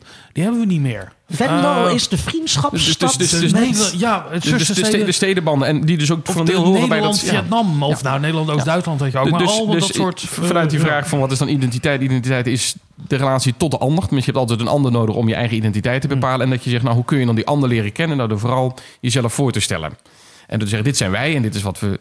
Ehm, en, en je ziet wel dat daar een verschuiving is gekomen eigenlijk... eh, vooral na de Tweede Wereldoorlog... en ook vooral interessant genoeg politiek gezien... Na, na een moment dat het CDA niet meer in het kabinet zat. Dat dan eigenlijk dat cosmopolitische Oh. gedachtegoed van... Hè, dat niet Nederland is het volk en is, is de volksaard... maar dat die wordt opgehangen aan een cosmopolitisch beeld... dat Nederland eigenlijk een plek moet zijn waar de wereld samenkomt. En een van de begrippen die ik ook in het, in het proefschrift laat terugkeren... is het hè, Nederland als, als vrijhaven. Nederland als de plek waar eigenlijk die mondiale gemeenschap elkaar kan ontmoeten. Dus je bent wel Ja, Nederland... het is niet één op één van twee die elkaar de hand geven, En, maar... en dan dus het, het, het idee van eh, het transnationale, van het feit dat nationaliteit er eigenlijk niet toe doet. Mhm. En dat zelfs eh, begin, ja, begin van deze eeuw de, nog een minister, of de staatssecretaris van eh, D66 ook zei: nou ja, nationale cultuur is een construct. Dus dat je zelfs in het beleid gaat, gaat vertellen dat nationale identiteit. iets is Maxima die wat- zei, niet waar Nederlands we het over identiteit bestaat studies, niet. relatief- Relatuveringen die- Ja, dus, dus, dus daar zie je, dus dat beleid probeert heel erg daarmee om te gaan. En daarom noemde ik dat net ook die verschuiving daarvan. Dat het cultuurbeleid ging ook heel erg daarover. Ging over wat doet nou het ministerie van Cultuur, wat doet het ministerie van Buitenlandse Zaken. En hoe gaan die twee nou eigenlijk met elkaar uitvechten. Welk beeld we dan van Nederland naar het buitenland gaan uitdragen. Dus die beleidsstukken gaan ook over het ministerie van Cultuur steunt dit. Het ministerie van Buitenlandse Zaken stuurt dit. Hier zit iets meer controverse en spanning in. En wat Buitenlandse Zaken doet, moet vooral ook een goed, mooi beeld geven. Ja, Eh, dus je ziet eigenlijk die, twee, die laatste eh, vijf jaar van de vorige eeuw... dat dat tot een soort culminatie komt van... Hè, er komt extra geld beschikbaar... en Nederland wordt echt het cosmopolitische land... waar hè, eh, alles samen kan komen in allerlei festivals... en wa- waar dus niet is- het gaat is- de promotie van Nederland. maar dat is toch een beetje, om even op die provincie te gaan zitten... dat gaat eigenlijk helemaal niet over Nederland. Het gaat toch weer eigenlijk over Holland. Ben ik niet helemaal met je eens, want... De, gro- de grote steden liggen in, de, in Noord- en Zuid-Holland. Maar, maar, maar het Dat- fenomeen van de Euregio, dus dat juist ook de, de steden die aan de randen van Nederland liggen, en Maastricht die ook veel meer een verband voelt met steden als Aken. Dus de- je ziet ook dat, Ja. ja, dat, dat in die 40 minuten cultuurwereld met een ook, ook, ook het idee dat je dus, het gaat over, eh, dit moet ik vanuit Nederland met een ander land gaan doen. Dat zie je ook in het Europese cultuurbeleid, hè, eenheid in verscheidenheid, en waarbij men ook eigenlijk probeert om steeds meer... Europese stad of Groningen als een, eh, een hub van Noord. eh, eh, dat, dat, dat is toch een hele eh, stedelijke, eh cosmopolitische definitie. Maar- maar- maar- waar- waarin de periferie dan weer helemaal niks mee te maken heeft. Ja, maar, maar het idee van het cosmopolitische geeft juist ook de periferie Ja. de gelegenheid om niet alleen één op één verbonden te zijn met die hoofdstad. Dus juist dat ook in het Europese beleid men zegt, we gaan het niet meer hebben alleen over uitwisseling tussen landen, maar we gaan proberen een soort Europese cultuursector te promoten. Dus die hele beleidskant probeert juist te voorkomen dat het gaat over Nederland brengt dit hele mooie stukje uit Nederland naar het buitenland. Kijk eens hoe mooi wij dit kunnen. En daar zit dus uiteindelijk weer die tegenbeweging in. Dat inderdaad eh, halverwege de, de, de eerste decennium van, van deze eeuw... daar een soort kentering in komt. En dat zie je op allerlei punten in, in het nationale debat rondom identiteit... met de moord op Pim Fortuyn, de moord op Theo van Gogh. Dat zie je met 9-11. Dat dus die spanning weer terugkomt van... dat cosmopolitische gedachtegoed en alles is met iedereen Ja. verbonden... en nationaliteit speelt geen rol dat, dat valt als een kaarthuis in elkaar. En het, het- de, de, de, de kracht eigenlijk van die populistische partijen... is dat ze vervolgens niet het cultuurbeleid aangrijpen... om dat gesprek aan te gaan. Ze zeggen, nee, dat cultuurbeleid dat, dat staat eigenlijk los van de werkelijke issues. Nee, het gaat om integratie. Ja. Dus ineens verschuift die vraag over hoe gaan we om met cultuurverschillen... op nationaal niveau, wat eerst nog culturele diversiteit en dat beleid allemaal was. Er werd, Ja. In het cultuurbeleid werd gezocht, hoe gaan, we naar, hoe gaan we hiermee om? Dat werd eigenlijk uit dat cultuurbeleid getrokken... en gewoon naar het het integratiedebat gevoerd. Waardoor het cultuurbeleid ook bleef staan van ja, hoe, hoe moeten we eigenlijk nu nog een beleid vormgeven? Anders dan dat het gaat over ja, eh, wat laten we van Nederland in het buitenland zien. Wat toch ook weer eh, aanduidt dat, er, dat, er, dat die verschillende opvattingen over wat cultuur überhaupt is, eh, daarbij een rol spelen. Oh, abs- absoluut. En, en daar zie je dus in, in, in wat het ministerie van OCW, Onderwijs, Cultuur en Wetenschap vindt, of wat Buitenlandse Zaken vindt. Daar, daar zit ook nadrukkelijk een verschillende opvatting in. En Ja. in de jaren zeventig is dat heel duidelijk, want ze brengen gewoon eigen, eh, eigen hoofdstukken in in die beleidstukken. Van dit is wat wij gedaan hebben, dit is wat wij gedaan hebben.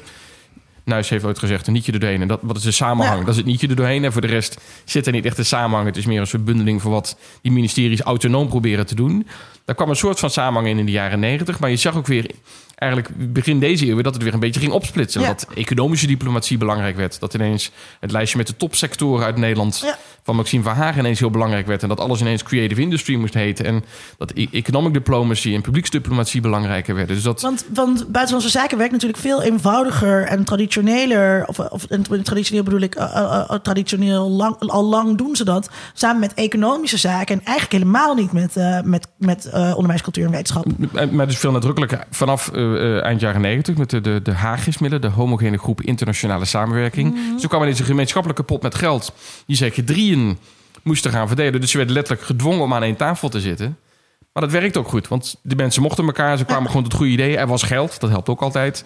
Waardoor je het met elkaar eens kan worden, omdat je dan toch bepaalde prioriteiten die iedereen heeft. Dus Nederland Vrijhaven, daar kon OCW wat mee. Erfgoed, dat werkt fijn, want die buitenlandse betrekkingen doen het goed met, met erfgoed. Dus je zag dat als er geld, toen er geld was, ineens was het wel mogelijk om als ministeries, ook al had je verschillende opvattingen, toch met elkaar goed samen te werken. En, en je ziet dus dat het, op het moment dat het economisch weer wat minder gaat en er weer minder middelen komen, dat ook meteen weer die spanning terugkomt van ja, maar waar moeten we dan, als het gaat om die relatie tot het buitenland, welke plek krijgt dan cultuur in die relatie? Moet die vooral zijn om een goed beeld te geven, een positief?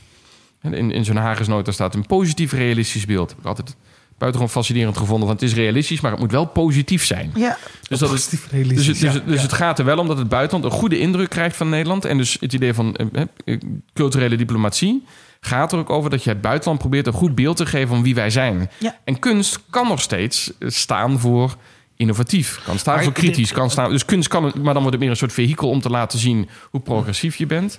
En niet zozeer de kunst, omdat je zegt, nou, dit is wat interessant in Dat, zit, dat bijvoorbeeld heel sterk in ehm, Dutch design, wat een verzamelterm is voor Nederlandse ontwerpers, zoals eh, eh, Droog, die leuke dingen maken. Eh, ik vind dat allemaal heel mooi, waar ook heel veel nadruk ligt, precies op dat soort eigenschappen, op innovatie, op een bepaald eh, minimalisme ook, die heel makkelijk samen En kunnen gaan. altijd de invloed van de, van de gebruiker. Dat, Ja. dat is, er is altijd een veranderlijkheid die Maar in het, materiaal maar het is zit, heel ja. moeilijk om dat Dutch design nou precies af te zetten tegen bijvoorbeeld Deens eh, design, waar het eigenlijk best wel op lijkt. Maar dat maakt dan ook niet uit. Maar daar, Want maar, maar daar kunnen opleidingen weer een rol spelen. Dat je zegt, wat komt er dan van, uiteindelijk vanuit Eindhoven en de opleiding vandaan van de designopleiding. Dus daar, daar spelen uiteindelijk wel die opleidingen weer een rol in. En dus ook wel de kunstensector. Van welke, welke rol heeft design in die, die kunstensector zelf? En dus het is deels een soort promotie van de sector die je in eigen land creëert. Die dus niet als een nationale voorziening geldt. Van nou, fijn dat wij als Nederlandse burgers naar al die prachtige dingen kunnen gaan. Maar dat je hem ook kan inzetten om te laten zien. Het feit dat wij dit in Nederland toestaan. Dat, dat doet het heel mooi. Wat ik aan zat te denken, omdat jij zo vertelt van... Goh, we hadden een idee van Nederland als de plek... Weet je wel, die, die is transnationaal. Dan kunnen we met elkaar verder praten. Dat het Europese, Europese Songfestival dat er aankomt... heeft als credo open, up. En nu jij dit vertelt, zat ik aan te denken... wat is een mooier credo dan te zeggen... kom hier, open up, dan gaan we met elkaar praten. We zeggen niet, wij zijn voor diversiteit... of jij mag zijn wie je bent... of iedereen die eh, mensen met een andere seksuele oriëntatie... of kleur of wat dan ook, eh, die moeten lekker wegblijven. Er worden geen keuzes gemaakt. Wij, het credo is, kom hier, we hebben het erover. We gaan eens even. We We gaan gaan eens er eens over praten. Maar, maar, dat, we maar dat gaan was precies die gedachte van Nederland Vrijhaven was dus ook. Dat Nederland is de plek waar dat kan. Ja, Nederland Ja. is de plek die dus Dat- al, al ontmoetingsplek geldt... zonder dat je meteen zegt, vullen wij die plek in? Nee. Hoe, hoe klein we ook zijn, wij bieden die plek waar dat, waar dat plaats kan We vinden. gaan eens even bedenken welk Nederland dat nou precies is in de Holland marketing. Kom, dan breng ik jou tulpen uit Amsterdam. Nederland staat natuurlijk echt bekend als een bloemenland. Wij zijn hier vandaag op de bloemenmarkt in Utrecht. En we gaan een beetje uitzoeken hoe het nou zit met toeristen en bloemen. Wat kopen toeristen en wat koopt de gemiddelde Nederlander? Wij vroegen het aan de verkopers en de mensen op straat. Well, I wanted really nice decorations for my room, so I thought the sunflowers are nice and bright and sunny despite the Netherlands rain, so I wanted something to brighten up my room. Wij kopen altijd te veel, omdat ik niet kiezen kan in ieder geval.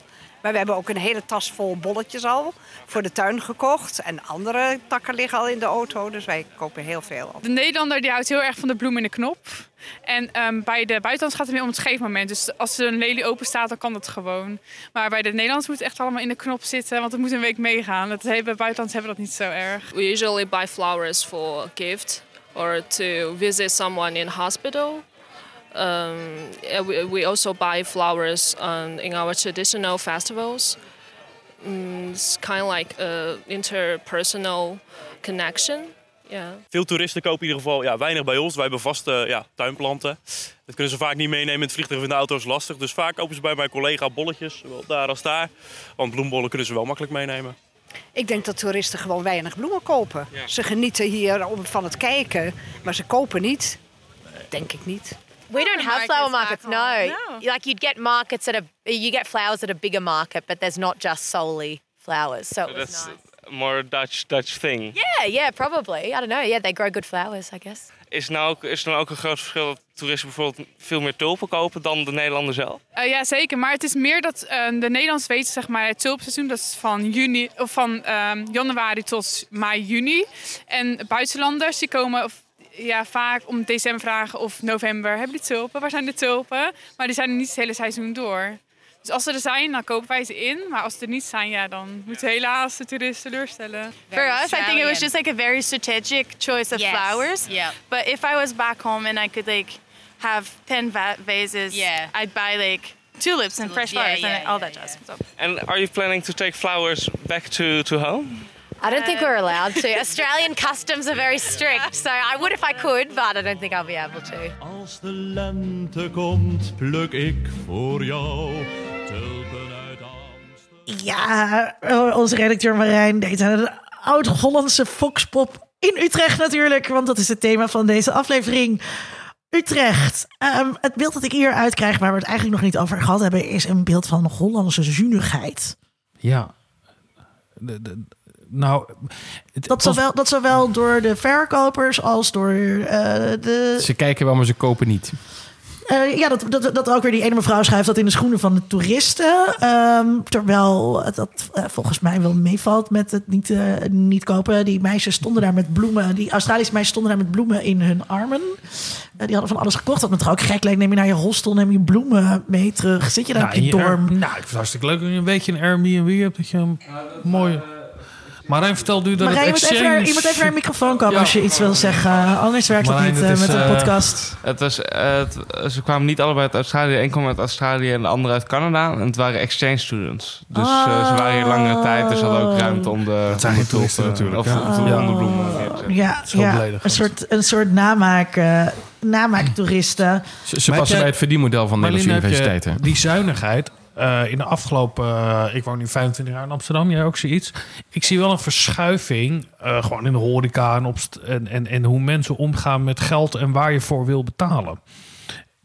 Zie jij daar een verschuiving in? Volgens mij is er wel een, een, een grotere waardering gekomen voor kwaliteit in de afgelopen 25 jaar, waar mensen wel bereid voor zijn te betalen. En dat 25 jaar geleden het alleen maar het onderscheidend principe geld was. Je kijkt me echt aan alsof ik het. eh heb vroeger had je één soort je koffie. Je had overal dezelfde koffie 25 jaar geleden. Weet je dat niet meer? echt een andere 25 jaar geleden dan dat, eh, dan dat ik me herinner. Toen had je ook al eh, cappuccino.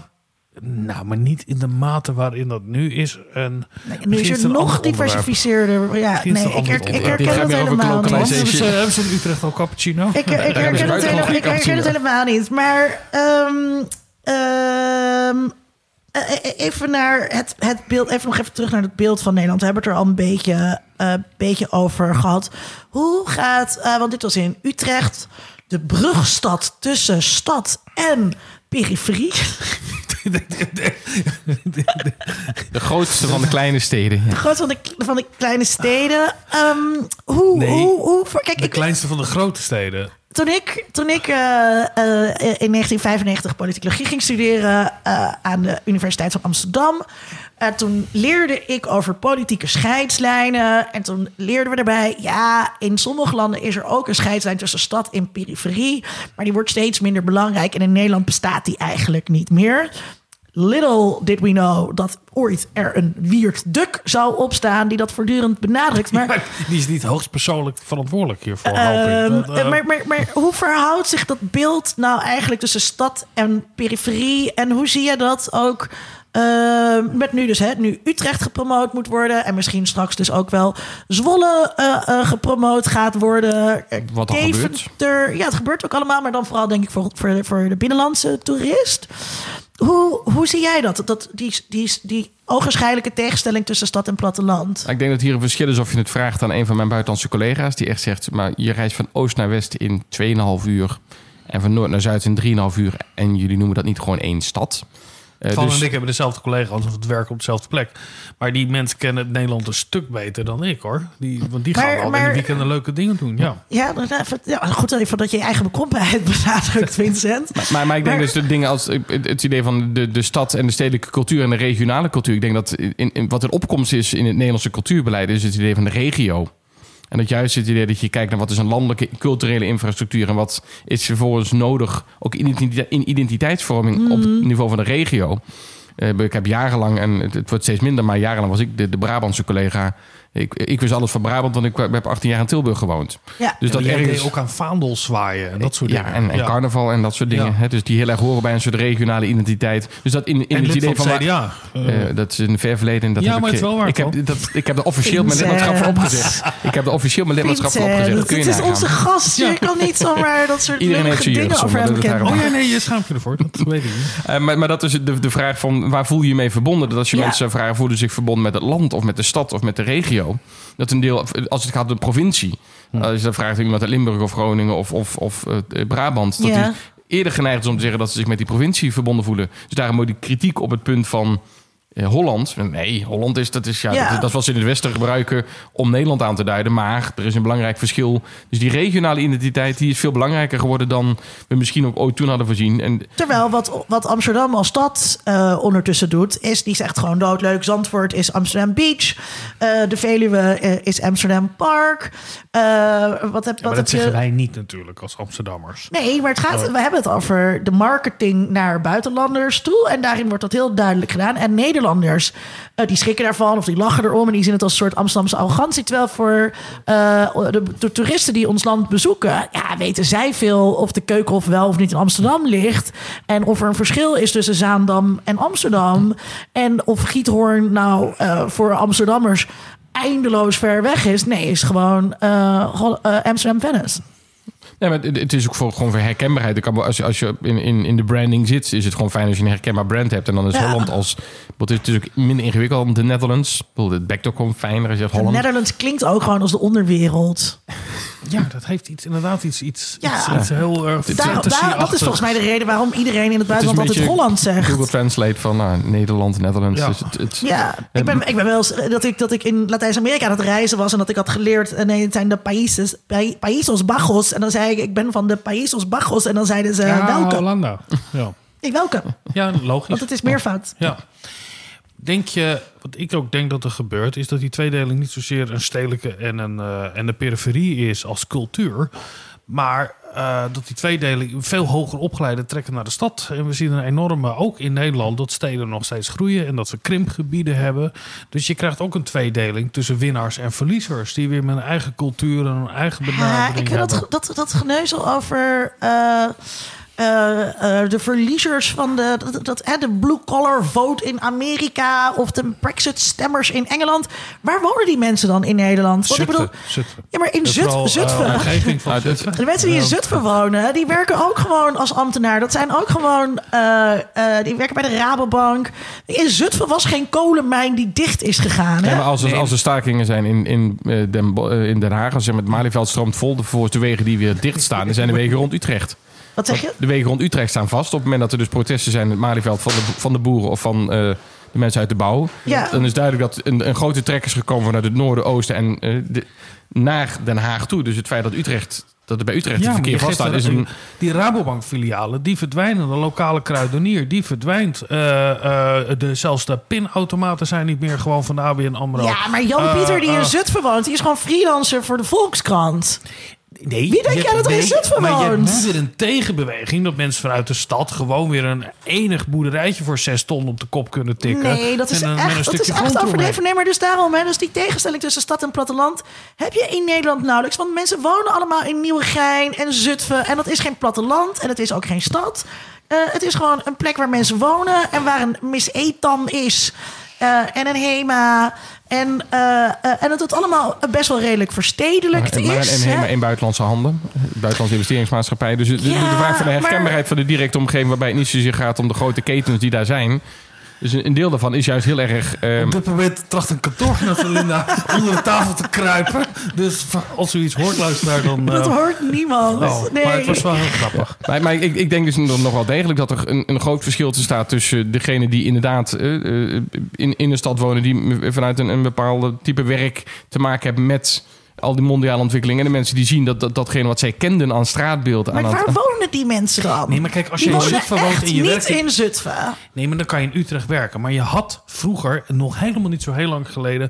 had elk eh, kleine stad of dorpje had ook zijn schoenenwinkel... en de Maar kruidenier is echt- en, en, dat- en de bankzaak. Nee, maar, laat maar de- dat staat echt onder druk. Dat is een grote onzekerheid. Nog even los van de boerenstand... Maar, die, of als maar, die- jij ja, een maar, dan heb je, het- maar dan heb je het over hebt. kleine dorpjes. En dan heb je het niet over die groeikernen. Waar de meerderheid... God, dan ga ik een soort Josse de Voogd, word ik in één keer. Echt, dat je me dit aandoet, Vincent. Maar heb je dan over zand of veengronden? Want dat is een groot is, verschil eh, natuurlijk. Dat is, nee, maar dus het, het merendeel van de Nederlandse bevolking woont niet in een hele grote stad. En woont ook niet in een dorpje. Die wonen in Gouda, in Zoetermeer. Die wonen eh, in Utrecht. Wat, ik bedoel, kan je stad noemen. Je zou ook eh, kunnen zeggen... eh, Oké, eh, het is Utrecht een dependance stad. of zo. Ja, maar Ja. dat is waar het merendeel van de, van de, eh, van de mensen... Ja, ja eh, een middelgrote gemeente. Dat, maar, maar, maar, maar er zit dus weer de spanning dat de voorzieningen die bij al die steden hoorden... dat voorheen de Staten Nederland als verzorgingsstaat zijn... maar met al die plekken vinden wij gewoon dat jij nog alle voorzieningen moet hebben. En dat is een deel van de trek naar de stad ook het gevolg is van het feit... dat al die voorzieningen vervolgens zijn Maar geconcentreerd vanuit als het- efficiëntie in de Als grote het doorgaans gaat over de verliezers van de mondialisering... dan gaat het over mensen die zonder werk zijn te komen zitten. En dat, dat heb je in ik, ik heb Nederland het over de mensen niet. die geen, niet in die vier grote steden komen. Ook niet daar net buiten eh, eh, wonen, maar gewoon in hun eigen. Nou, aan de, aan de, kijk in eh, Noord-Groningen, waarin je hebt, grote delen van Noord-Limburg, waarin je dat ziet. Precies. Maar die mensen die in Noord- nou, in Groningen wonen, die gaan kijk echt waar de naar PVV Groningen. Nee, pak de kaart erbij eh, eh, en kijk mensen- wat, waar de PVV de grootste partij is geworden. Dat zie je echt in de grensgebieden met Duitsland. Ja, maar dat Juist gaat in dat soort. echt over iets een anders. hele- ja, maar daar zit ieder. We hadden het vandaag over Nederland, de Nederlandse identiteit en over Holland marketing. Die hebben een heel ander. De, de Holland marketing die er is vanuit de overheid, voelen zij zich helemaal niet bij eh, mee aangesproken als ik denk- innovatief en, en, Ja, maar en ik denk dus dat de het merendeel van de Nederlanders voelt zich daar niet in aangesproken. Ook de Amsterdammers niet. Die wel heel erg cosmopolitisch zijn. Want, want eh, eh, omdat het, het is heel erg ehm Buza promo-praat. Weet je wel? De pioniersgeest van Nederland. Ja, maar je kan Het is je net zo gek als iemand die zegt... ik identificeer me heel erg met de Nederlandse grondwet... als het gaat over identiteit. Maar het- jij zou er belang bij hebben als deze Busa-praat succesvol zou zijn. Ja, maar Er dat is niet de mensen- vraag. er zijn, Maar de vraag is niet of, of ik er belang bij heb eh, eh, bij dit verhaal. Het gaat over, identificeer ik me mee, ermee? Vind ik dit een oké afspiegeling, vertegenwoordiging... van wat ik denk dat een Nederlandse identiteit is? Maar, maar, je praat, het over een beeld wat, wat gevormd moet worden door mensen die dus in, op die andere plek zitten. En dat is natuurlijk het verschil. Kijk, op het moment dat, dat minister Kaag zegt, die praat met mensen die zeggen: ja, maar jullie moeten Nederland vertegenwoordigen in die vreemde context. Kijk, zij staan als representant van Nederland. En dat, daar zit ook. Maar net als die man, meneer van, van, van, eh, van, de, van die Holland Experience die we hebben geïnterviewd. Die kan dat heel erg goed uitdragen in het interview dat wij met hem hadden. Maar ik weet zeker, als hij op een verjaardagsfeestje zit en iemand vraagt aan hem: wat is de Nederlandse identiteit? Dan zegt hij kaasblokjes en in een kring zit op een verjaardag. Ik denk deze specifiek geval niet. Eh, ja, dat weet ik niet of dat, of dat zo is. Ik, Ehm, ik, wil nog, eh, maar- ik, wil nog even, ik wil nog even twee dingen aanstippen. Eentje is eh, hoe ontzettend eh, niet inclusief dat beeld van Holland, Nederland is, wat opgeroepen eh, wordt. Ehm, eh, het, het, het, het gaat nauwelijks over mensen van kleur. Heel opvallend. Eh, ik zie eigenlijk niet, dat had ik veel meer verwacht. Ik zie eigenlijk helemaal niet eh, de LHBT-agenda hierin terugkomen. Terwijl ik denk als, je, als wij deze aflevering ehm, zo'n. Het is nu 2000, als we die in 2014, eh, 2004 hadden gemaakt, was dat veel meer op de voorgrond geweest. Ja, hè? De Nederlandse identiteit is vrouwenrechten accepteren, homorechten accepteren. Dat is ook een beetje naar de achtergrond geraakt. Ehm, voor wie, over, over welke Nederlander gaat dit? Kijk toch welke Nederlanders, welke Nederlanders, welke toerist wil je naar Nederland halen? En zijn dat inderdaad toeristen die nadrukkelijk uit eh, relatief progressieve landen komen? Of zeggen, nou, je hebt ook deels de toeristen die juist uit wat minder progressieve landen komen. En ik denk dat daar ook een deel van de strategie van Amsterdam. Maar volgens mij willen we- bepaald wordt van wel- welk beeld wil je dat van Amsterdam bestaat en waarom komen mensen hier Maar de naartoe? Bijenkorf eh, mikt echt wel ook op, op de Dubai-toerist. Maar, maar daarom is dus een ander deel van het verhaal wat je wil vertellen... eh, ook aangepast aan het verhaal wat je aan de Dubai-toerist kan, eh, kan vertellen. Dus het feit dat je zegt, we hebben de bachelorparties hier... die vooral komen voor eh, de wallen en voor, voor de, de wietshops. Wanneer Dus- waren de gay games in Amsterdam? 1998. Ik kan me dat echt herinneren dat het echt een grote viering was. En eh, wij hadden gelijk met z'n allen. Kijk maar, van dit hadden wij. Er staat heel veel eh, homonostalgie over. Ik heb daar meermaals over geschreven. Bent u daarin geïnteresseerd, luisteraar? Google dan even Linda Duits. Homonostalgie. homonostalgie. Eh, ik kan me dat ook herinneren. Ik ben zelf Ook een constructie van een mythisch verleden, namelijk. Eh, ja, terwijl ik niet homoseksueel was en daar ook niet aan meedeed. Eh, maar dat, dat was wel... Ik wel, hoor, luisteraar, ik wel. Een diep uitgedragen... nee, maar dat is allemaal eh, niet waar, Vincent. Toen was dat wel Nee, dat is ook nee. Ik Is dat nee, iedereen zegt dan de hele stad kleurde roze. Dat was helemaal niet waar. Het was de reguliers die roze kleurden en een klein beetje de Kerkstraat en het Vondelpark. Maar het is ontzettend opgeblazen in de herinnering. Niet in de minste plaats van, uh, van LHBT'ers zelf. Maar het is feitelijk heeft dat nauwelijks eh, eh, waarheid. Dit was, dit was ook een tijd waarin de VVD en het CDA eh, nog heel hard actie voerden tegen de openstelling van het, van het huwelijk voor homoseksuelen. Eh, dit moeten wij. eh, eh, wil Kunnen we dus- een aparte uitzending wil- over wil- maken? Ja, ik vind het wel heel. Ik vind homo-nostalgie. in- Want in mijn beleving was het inderdaad. eh, eh, wij als Amsterdammers. En Amsterdam was een grote viering. Was het Nou, in goed, ieder gaan, we, geval. gaan we door. Maar, even de vraag maar wat was ik wil- over wiens Nederland, welke, over welke Nederlanders gaat het? En, en inderdaad, voor wie we in het beeld, neerzetten. En, en wie laat je dat beeld ook bepalen? Zij dat inderdaad, hè? Niet, niet de ambtenaren die, die Kagen aanspreken. Zeggen, nou, jullie moeten dat vooral ook binnen bestuurlijke lagen doen. Maar zeg je nou, toeristenbureaus. Dus ik denk dat inderdaad ook een This is Holland als... En je komt in Amsterdam aan, je komt in een centraal station. Je komt hier als toerist, wat wil je zien? Wie spreekt jou aan om jou een bepaald beeld van die stad te geven? En dat daarin dus ook... eh, dus dat... dat ja, het, wat minder eh, controversiële beeld van... Nou, je wordt langs een aantal modes geleid, je wordt langs een aantal tulpen geleid. Je krijgt een stad waarin je van alles te zien kan. Oh ja, daar is ook van allerlei spannends aan de gang. Moet je iets naar links en dan kom je wel in die, in die regio uit. Maar eh, voor de rest heb je inderdaad het eerste wat je toch tegenkomt... is de bijkorf. Maar dat je dus in, in het bepalen van wie is, er aan, wie is er aan zet... in het vertellen van dat verhaal... dat daar ook vooral steden op in aan het zitten zijn. Van, ze willen zelf aan zet zijn. Eh, beeldvorm werkt twee kanten op. Voor een deel wordt de beeld ook gewoon bepaald door wat er over jou verteld en geschreven wordt. En daarom snap ik wel ergens de reflex van: oh, als ineens de Lonely Planet gaat schrijven over Utrecht, dan raken we de controle over het narratief raken we kwijt. Want dan ineens, maar volgend jaar kunnen we vertellen wat, er, wat het gevolg was van het feit dat ineens al die mensen met de Lonely Planet in hun hand naar Utrecht kwamen. Dus Ja. het, het idee van controle over je city branding, je wil het wel hebben. Maar je wil het ook niet kwijtraken. Dus op het moment dat, dat je populair bent, wil je nog steeds ergens kunnen blijven vertellen. Dit is wat er interessant is aan de stad of aan het land. En dat is een ander verhaal dan wat je op ambtelijk niveau moet gaan vertellen over beleidsmakers. Waar je een betrouwbare partner moet zijn. Waar je misschien wat minder expliciet hè, dat verhaal over de, de, de LGBT-community kan vertellen. Omdat je zegt, ja. Dat, is in Amsterdam natuurlijk volledig uit de hand gelopen. eh, Maar want wij- hierover, ik denk wat heel erg... eh, We hebben het eerder geconstateerd... dat als er iets Nederland typeert in het Nederlanderschap... dat we met heel veel gemak dat verhaal over de openstelling van een burgerlijk huwelijk... ook wel even onbenoemd laten... op het moment dat wij mensen hier naartoe willen halen... en niet tegen het hoofd willen stoten of niet willen confronteren... als dat ten bate werkt voor eigen, ons eigen economisch gewin. Ja, we zijn, we- we- Eh, als, ik, als ik de volksaard van de Nederlander zou willen kenschetsen, dan is het, we zijn een hypocriet volk. Ja.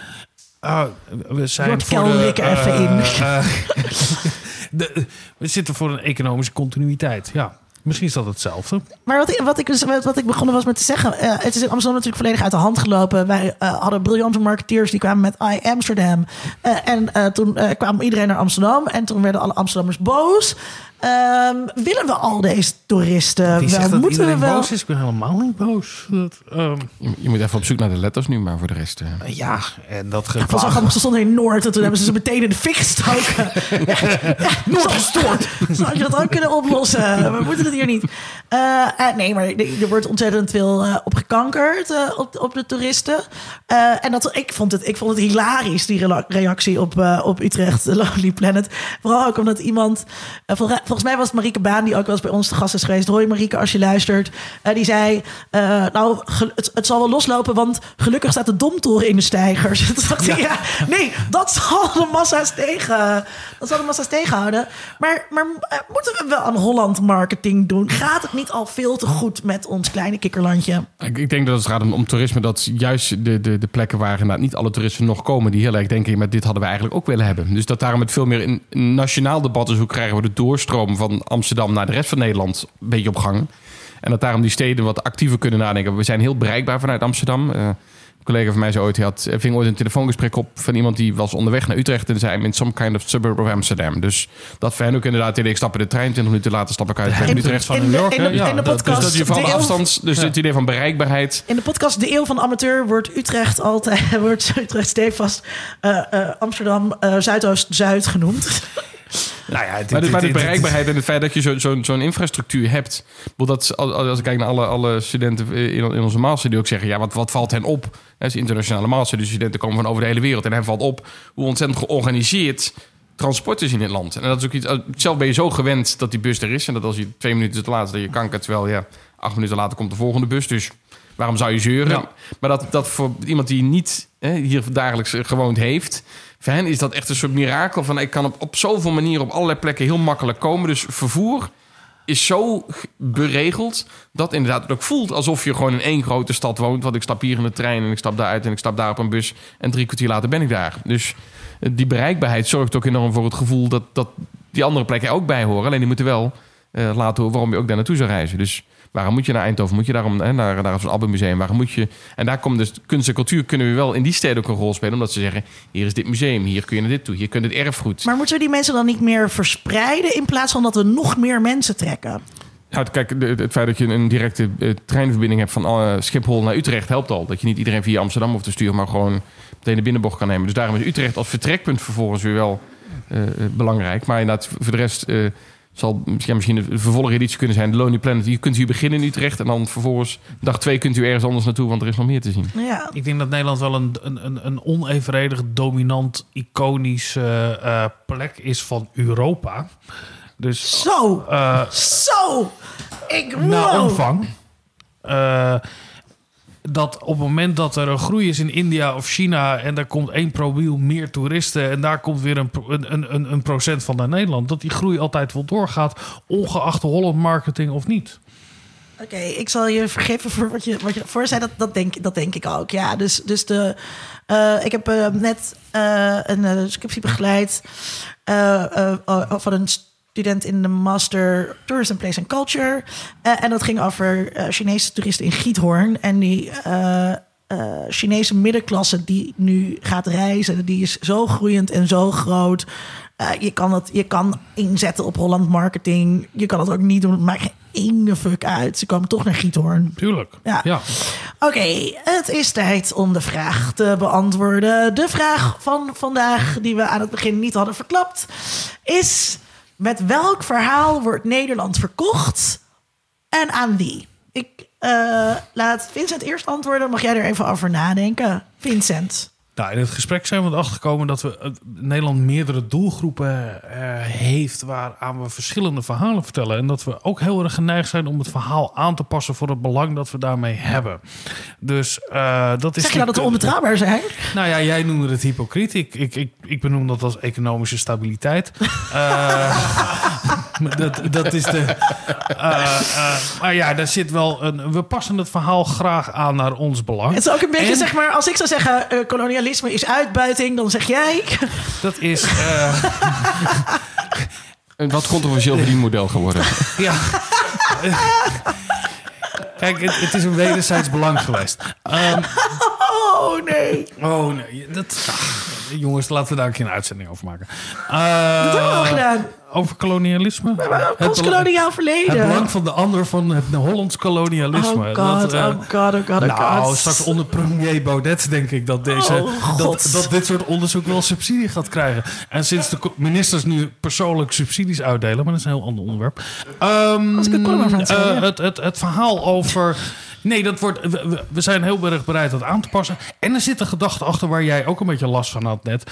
Oh, dan passen we de marketing aan. Dan komen de, de veronderstelling dat we daarmee de stromen kunnen sturen. Dat zit heel erg diep in het Nederlands ook. Dan gaan we, gaan we een dansvoorstelling naar Als Saoedi-Arabië het brengen. waarin je is, dan is het toerisme ook maakbaar. Over gelijkheid. En dan denken we ook dat er iets gaat veranderen daarmee. Dat, die wil hebben we ook wel. Maar ik laat eigenlijk het antwoord het liefst over aan, aan, aan dokter Minhart... die hier eh, het eh, Ja. definitieve antwoord op gaat geven. Het definitieve antwoord. Nou, ik denk dat er twee verhalen verteld worden. één naar binnen en één naar buiten. Ik denk dat het verhaal naar Nederland zelf toe gewoon gevormd wordt door vooral eh, discussie. En niet zozeer om elkaar te overtuigen, maar gewoon vooral zo hard mogelijk te roepen wat je ervan vindt. En ben ik het niet mee eens. Waarvan akte. En het beeld naar buiten toe, wat inderdaad heel erg probeert om Nederland als een soort diverser land neer te zetten dan alleen Amsterdam. En dat, wat dat betreft, je ziet dat die discussie wel iets, zegt over wat je ook in Nederland wel ook ziet. Van ja, zij daar in de Randstad, zij daar in Den Haag. Dus dat de spanning die je toch in Nederland ziet, voor een deel zich wel vertaalt in een soort poging om dan een deel van die anderen dan maar naar eh, de, de provincie te sturen. Dokter Duits, wil jij eigenlijk het laatste woord? Om, Eh, ik, heb, ik, heb eh, het, ik heb het laatste woord, want ik presenteer deze aflevering. Maar wil je ook nog de vraag beantwoorden? Ehm, ik, eh, ik, ik, ik vind het heel lastig om. Ik, snap, ik zie het verhaal wel ehm, waarmee Nederland wordt verkocht. Maar het is me heel onduidelijk nou wie steeds die doelgroep ehm, is. En eh, ik vind dus ook überhaupt hoe wij eh, nadenken over groepen mensen, hoe schaamteloos we dat ook doen. Ehm, tek- tekenend voor de Nederlandse aard. Hè? Dus, dus ook, hè, wij waren gewoon een koloniale uitbuiter. Eh, die dat veel handiger deed dan andere koloniale uitbuiters. Dus wij gingen ons niet bemoeien met de lokale bevolking en het vestigen van religie. Nee, we gingen gewoon alle resources eruit zuigen. Eh, en eh, alles, alles voor de monies. En dat, en dat merk ik, ik vind het dus heel raar dat wij het acceptabel vinden dat we zeggen: wij willen in Amsterdam graag rijke toeristen aantrekken. Alsof dus eh, de dronken Britse toeristen, alsof dat minderwaardige mensen zijn die eigenlijk minder recht hebben om Amsterdam te bezoeken. En dat nemen we gewoon allemaal zomaar aan. Dat vindt iedereen prima om, om zo een bevolkingsgroep weg te zetten. Dat vind ik gek. Eh, ik denk dat er voor het eerst iemand is geweest die het gewoon een keer heeft gezegd dat we een keer op moeten staan voor de emancipatie van de dronken Brit. Nou, En dat ik, waardeer eh, ik je. ik kom, ik kom uit deze- een rijke traditie van cultural studies. Volgens mij ben ik niet waar, de waar. eerste. Ja, de Britse cultural studies, ja. Ja, ja, ja, ja. de lads en de, en, en de blokes moeten, ja. Dat, ja, Ik- en ik vind het trouwens ook. Ik was dus, eh, ik bevond me de afgelopen twee weken veelvuldig onder Dronken. Britten. Eh, en ik vind dat hartstikke interessant om te zien hoe zij mannelijkheid beleven en heteroseksualiteit eh, Hey, ik beleven. heb acht jaar lang op de Wallen gewoond. Ik, eh, ik heb ze dagelijks onder me raam. Ja, het zijn dus- hele, hele nette mensen. Echt waar, dat is geen grapje. Alleen maar nette mensen. Nee, maar als je ze hard toespreekt, ze zijn heel erg gevoelig voor gezag. Maar, Maar- dus, maar dus, en dat, dat vind ik, ik vind dat echt, ik vind dat echt gek. Hoe makkelijk wij dus denken in doelgroepen en hoe, hoe eh, weinig weerstand het onder Nederlanders oplevert dat wij dat op die manier doen. Dat wij daar zo schaamteloos in zijn. Ja, dat levert wel een genuanceerde discussie over de toerist op. En dat is wel weer intrigerend. Want er is een soort categorie, we moeten toeristen aantrekken. Maar dat je nu eigenlijk Nou, een dat soort had ik in de bijkorf. nuancering van, van toerisme gaat krijgen. Ik, ik, hoe heet dat hele dure tassenmerk? Eh, eh, Louis Vuitton. Louis Louis Vuitton. Ik, ik liep bij de bijkorf binnen en stond echt een rij. Eh 30, 40 mensen. eh, eh, en een, een, een mooie diverse groep van Russen, Indiërs en, en Chinezen. Die daar in de rij stonden, omdat ze natuurlijk maar een paar dagen in Amsterdam hadden. Dus die besteden hun tijd in Amsterdam om eh, een, een, een, een. Waarschijnlijk is van die ook oorsprong goedkoper dan Franse- Ja, dat, eh, ze kunnen de, belasting, de belasting kunnen ze terugvragen bij de grens. Dus ja, Precies dat. En, en ja, daar hebben wij dan ook weer baat bij op een of andere manier. Win-win Ik situatie. vond, het, ik vond het ook verdrietig voor deze mensen. Maar ze hadden nu eh This is Holland gedaan. Dat is maar een uurtje. Dan heb je de rest van de dag om een mooie tas te kopen. U heeft geluisterd naar aflevering 97 van de podcast Onder Mediadoktoren. Wilt u ons helpen met onze marketing?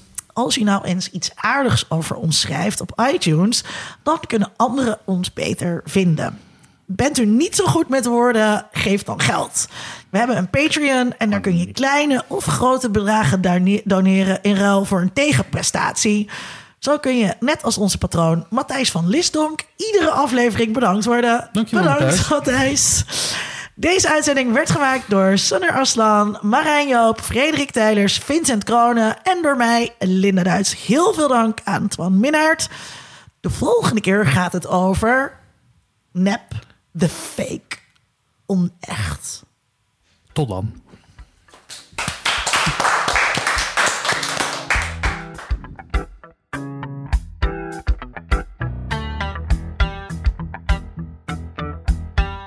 Onder Mediadoktoren is een podcast van Vincent Kronen en Linda Duits. Meer informatie vindt u op ondermediadoktoren.nl.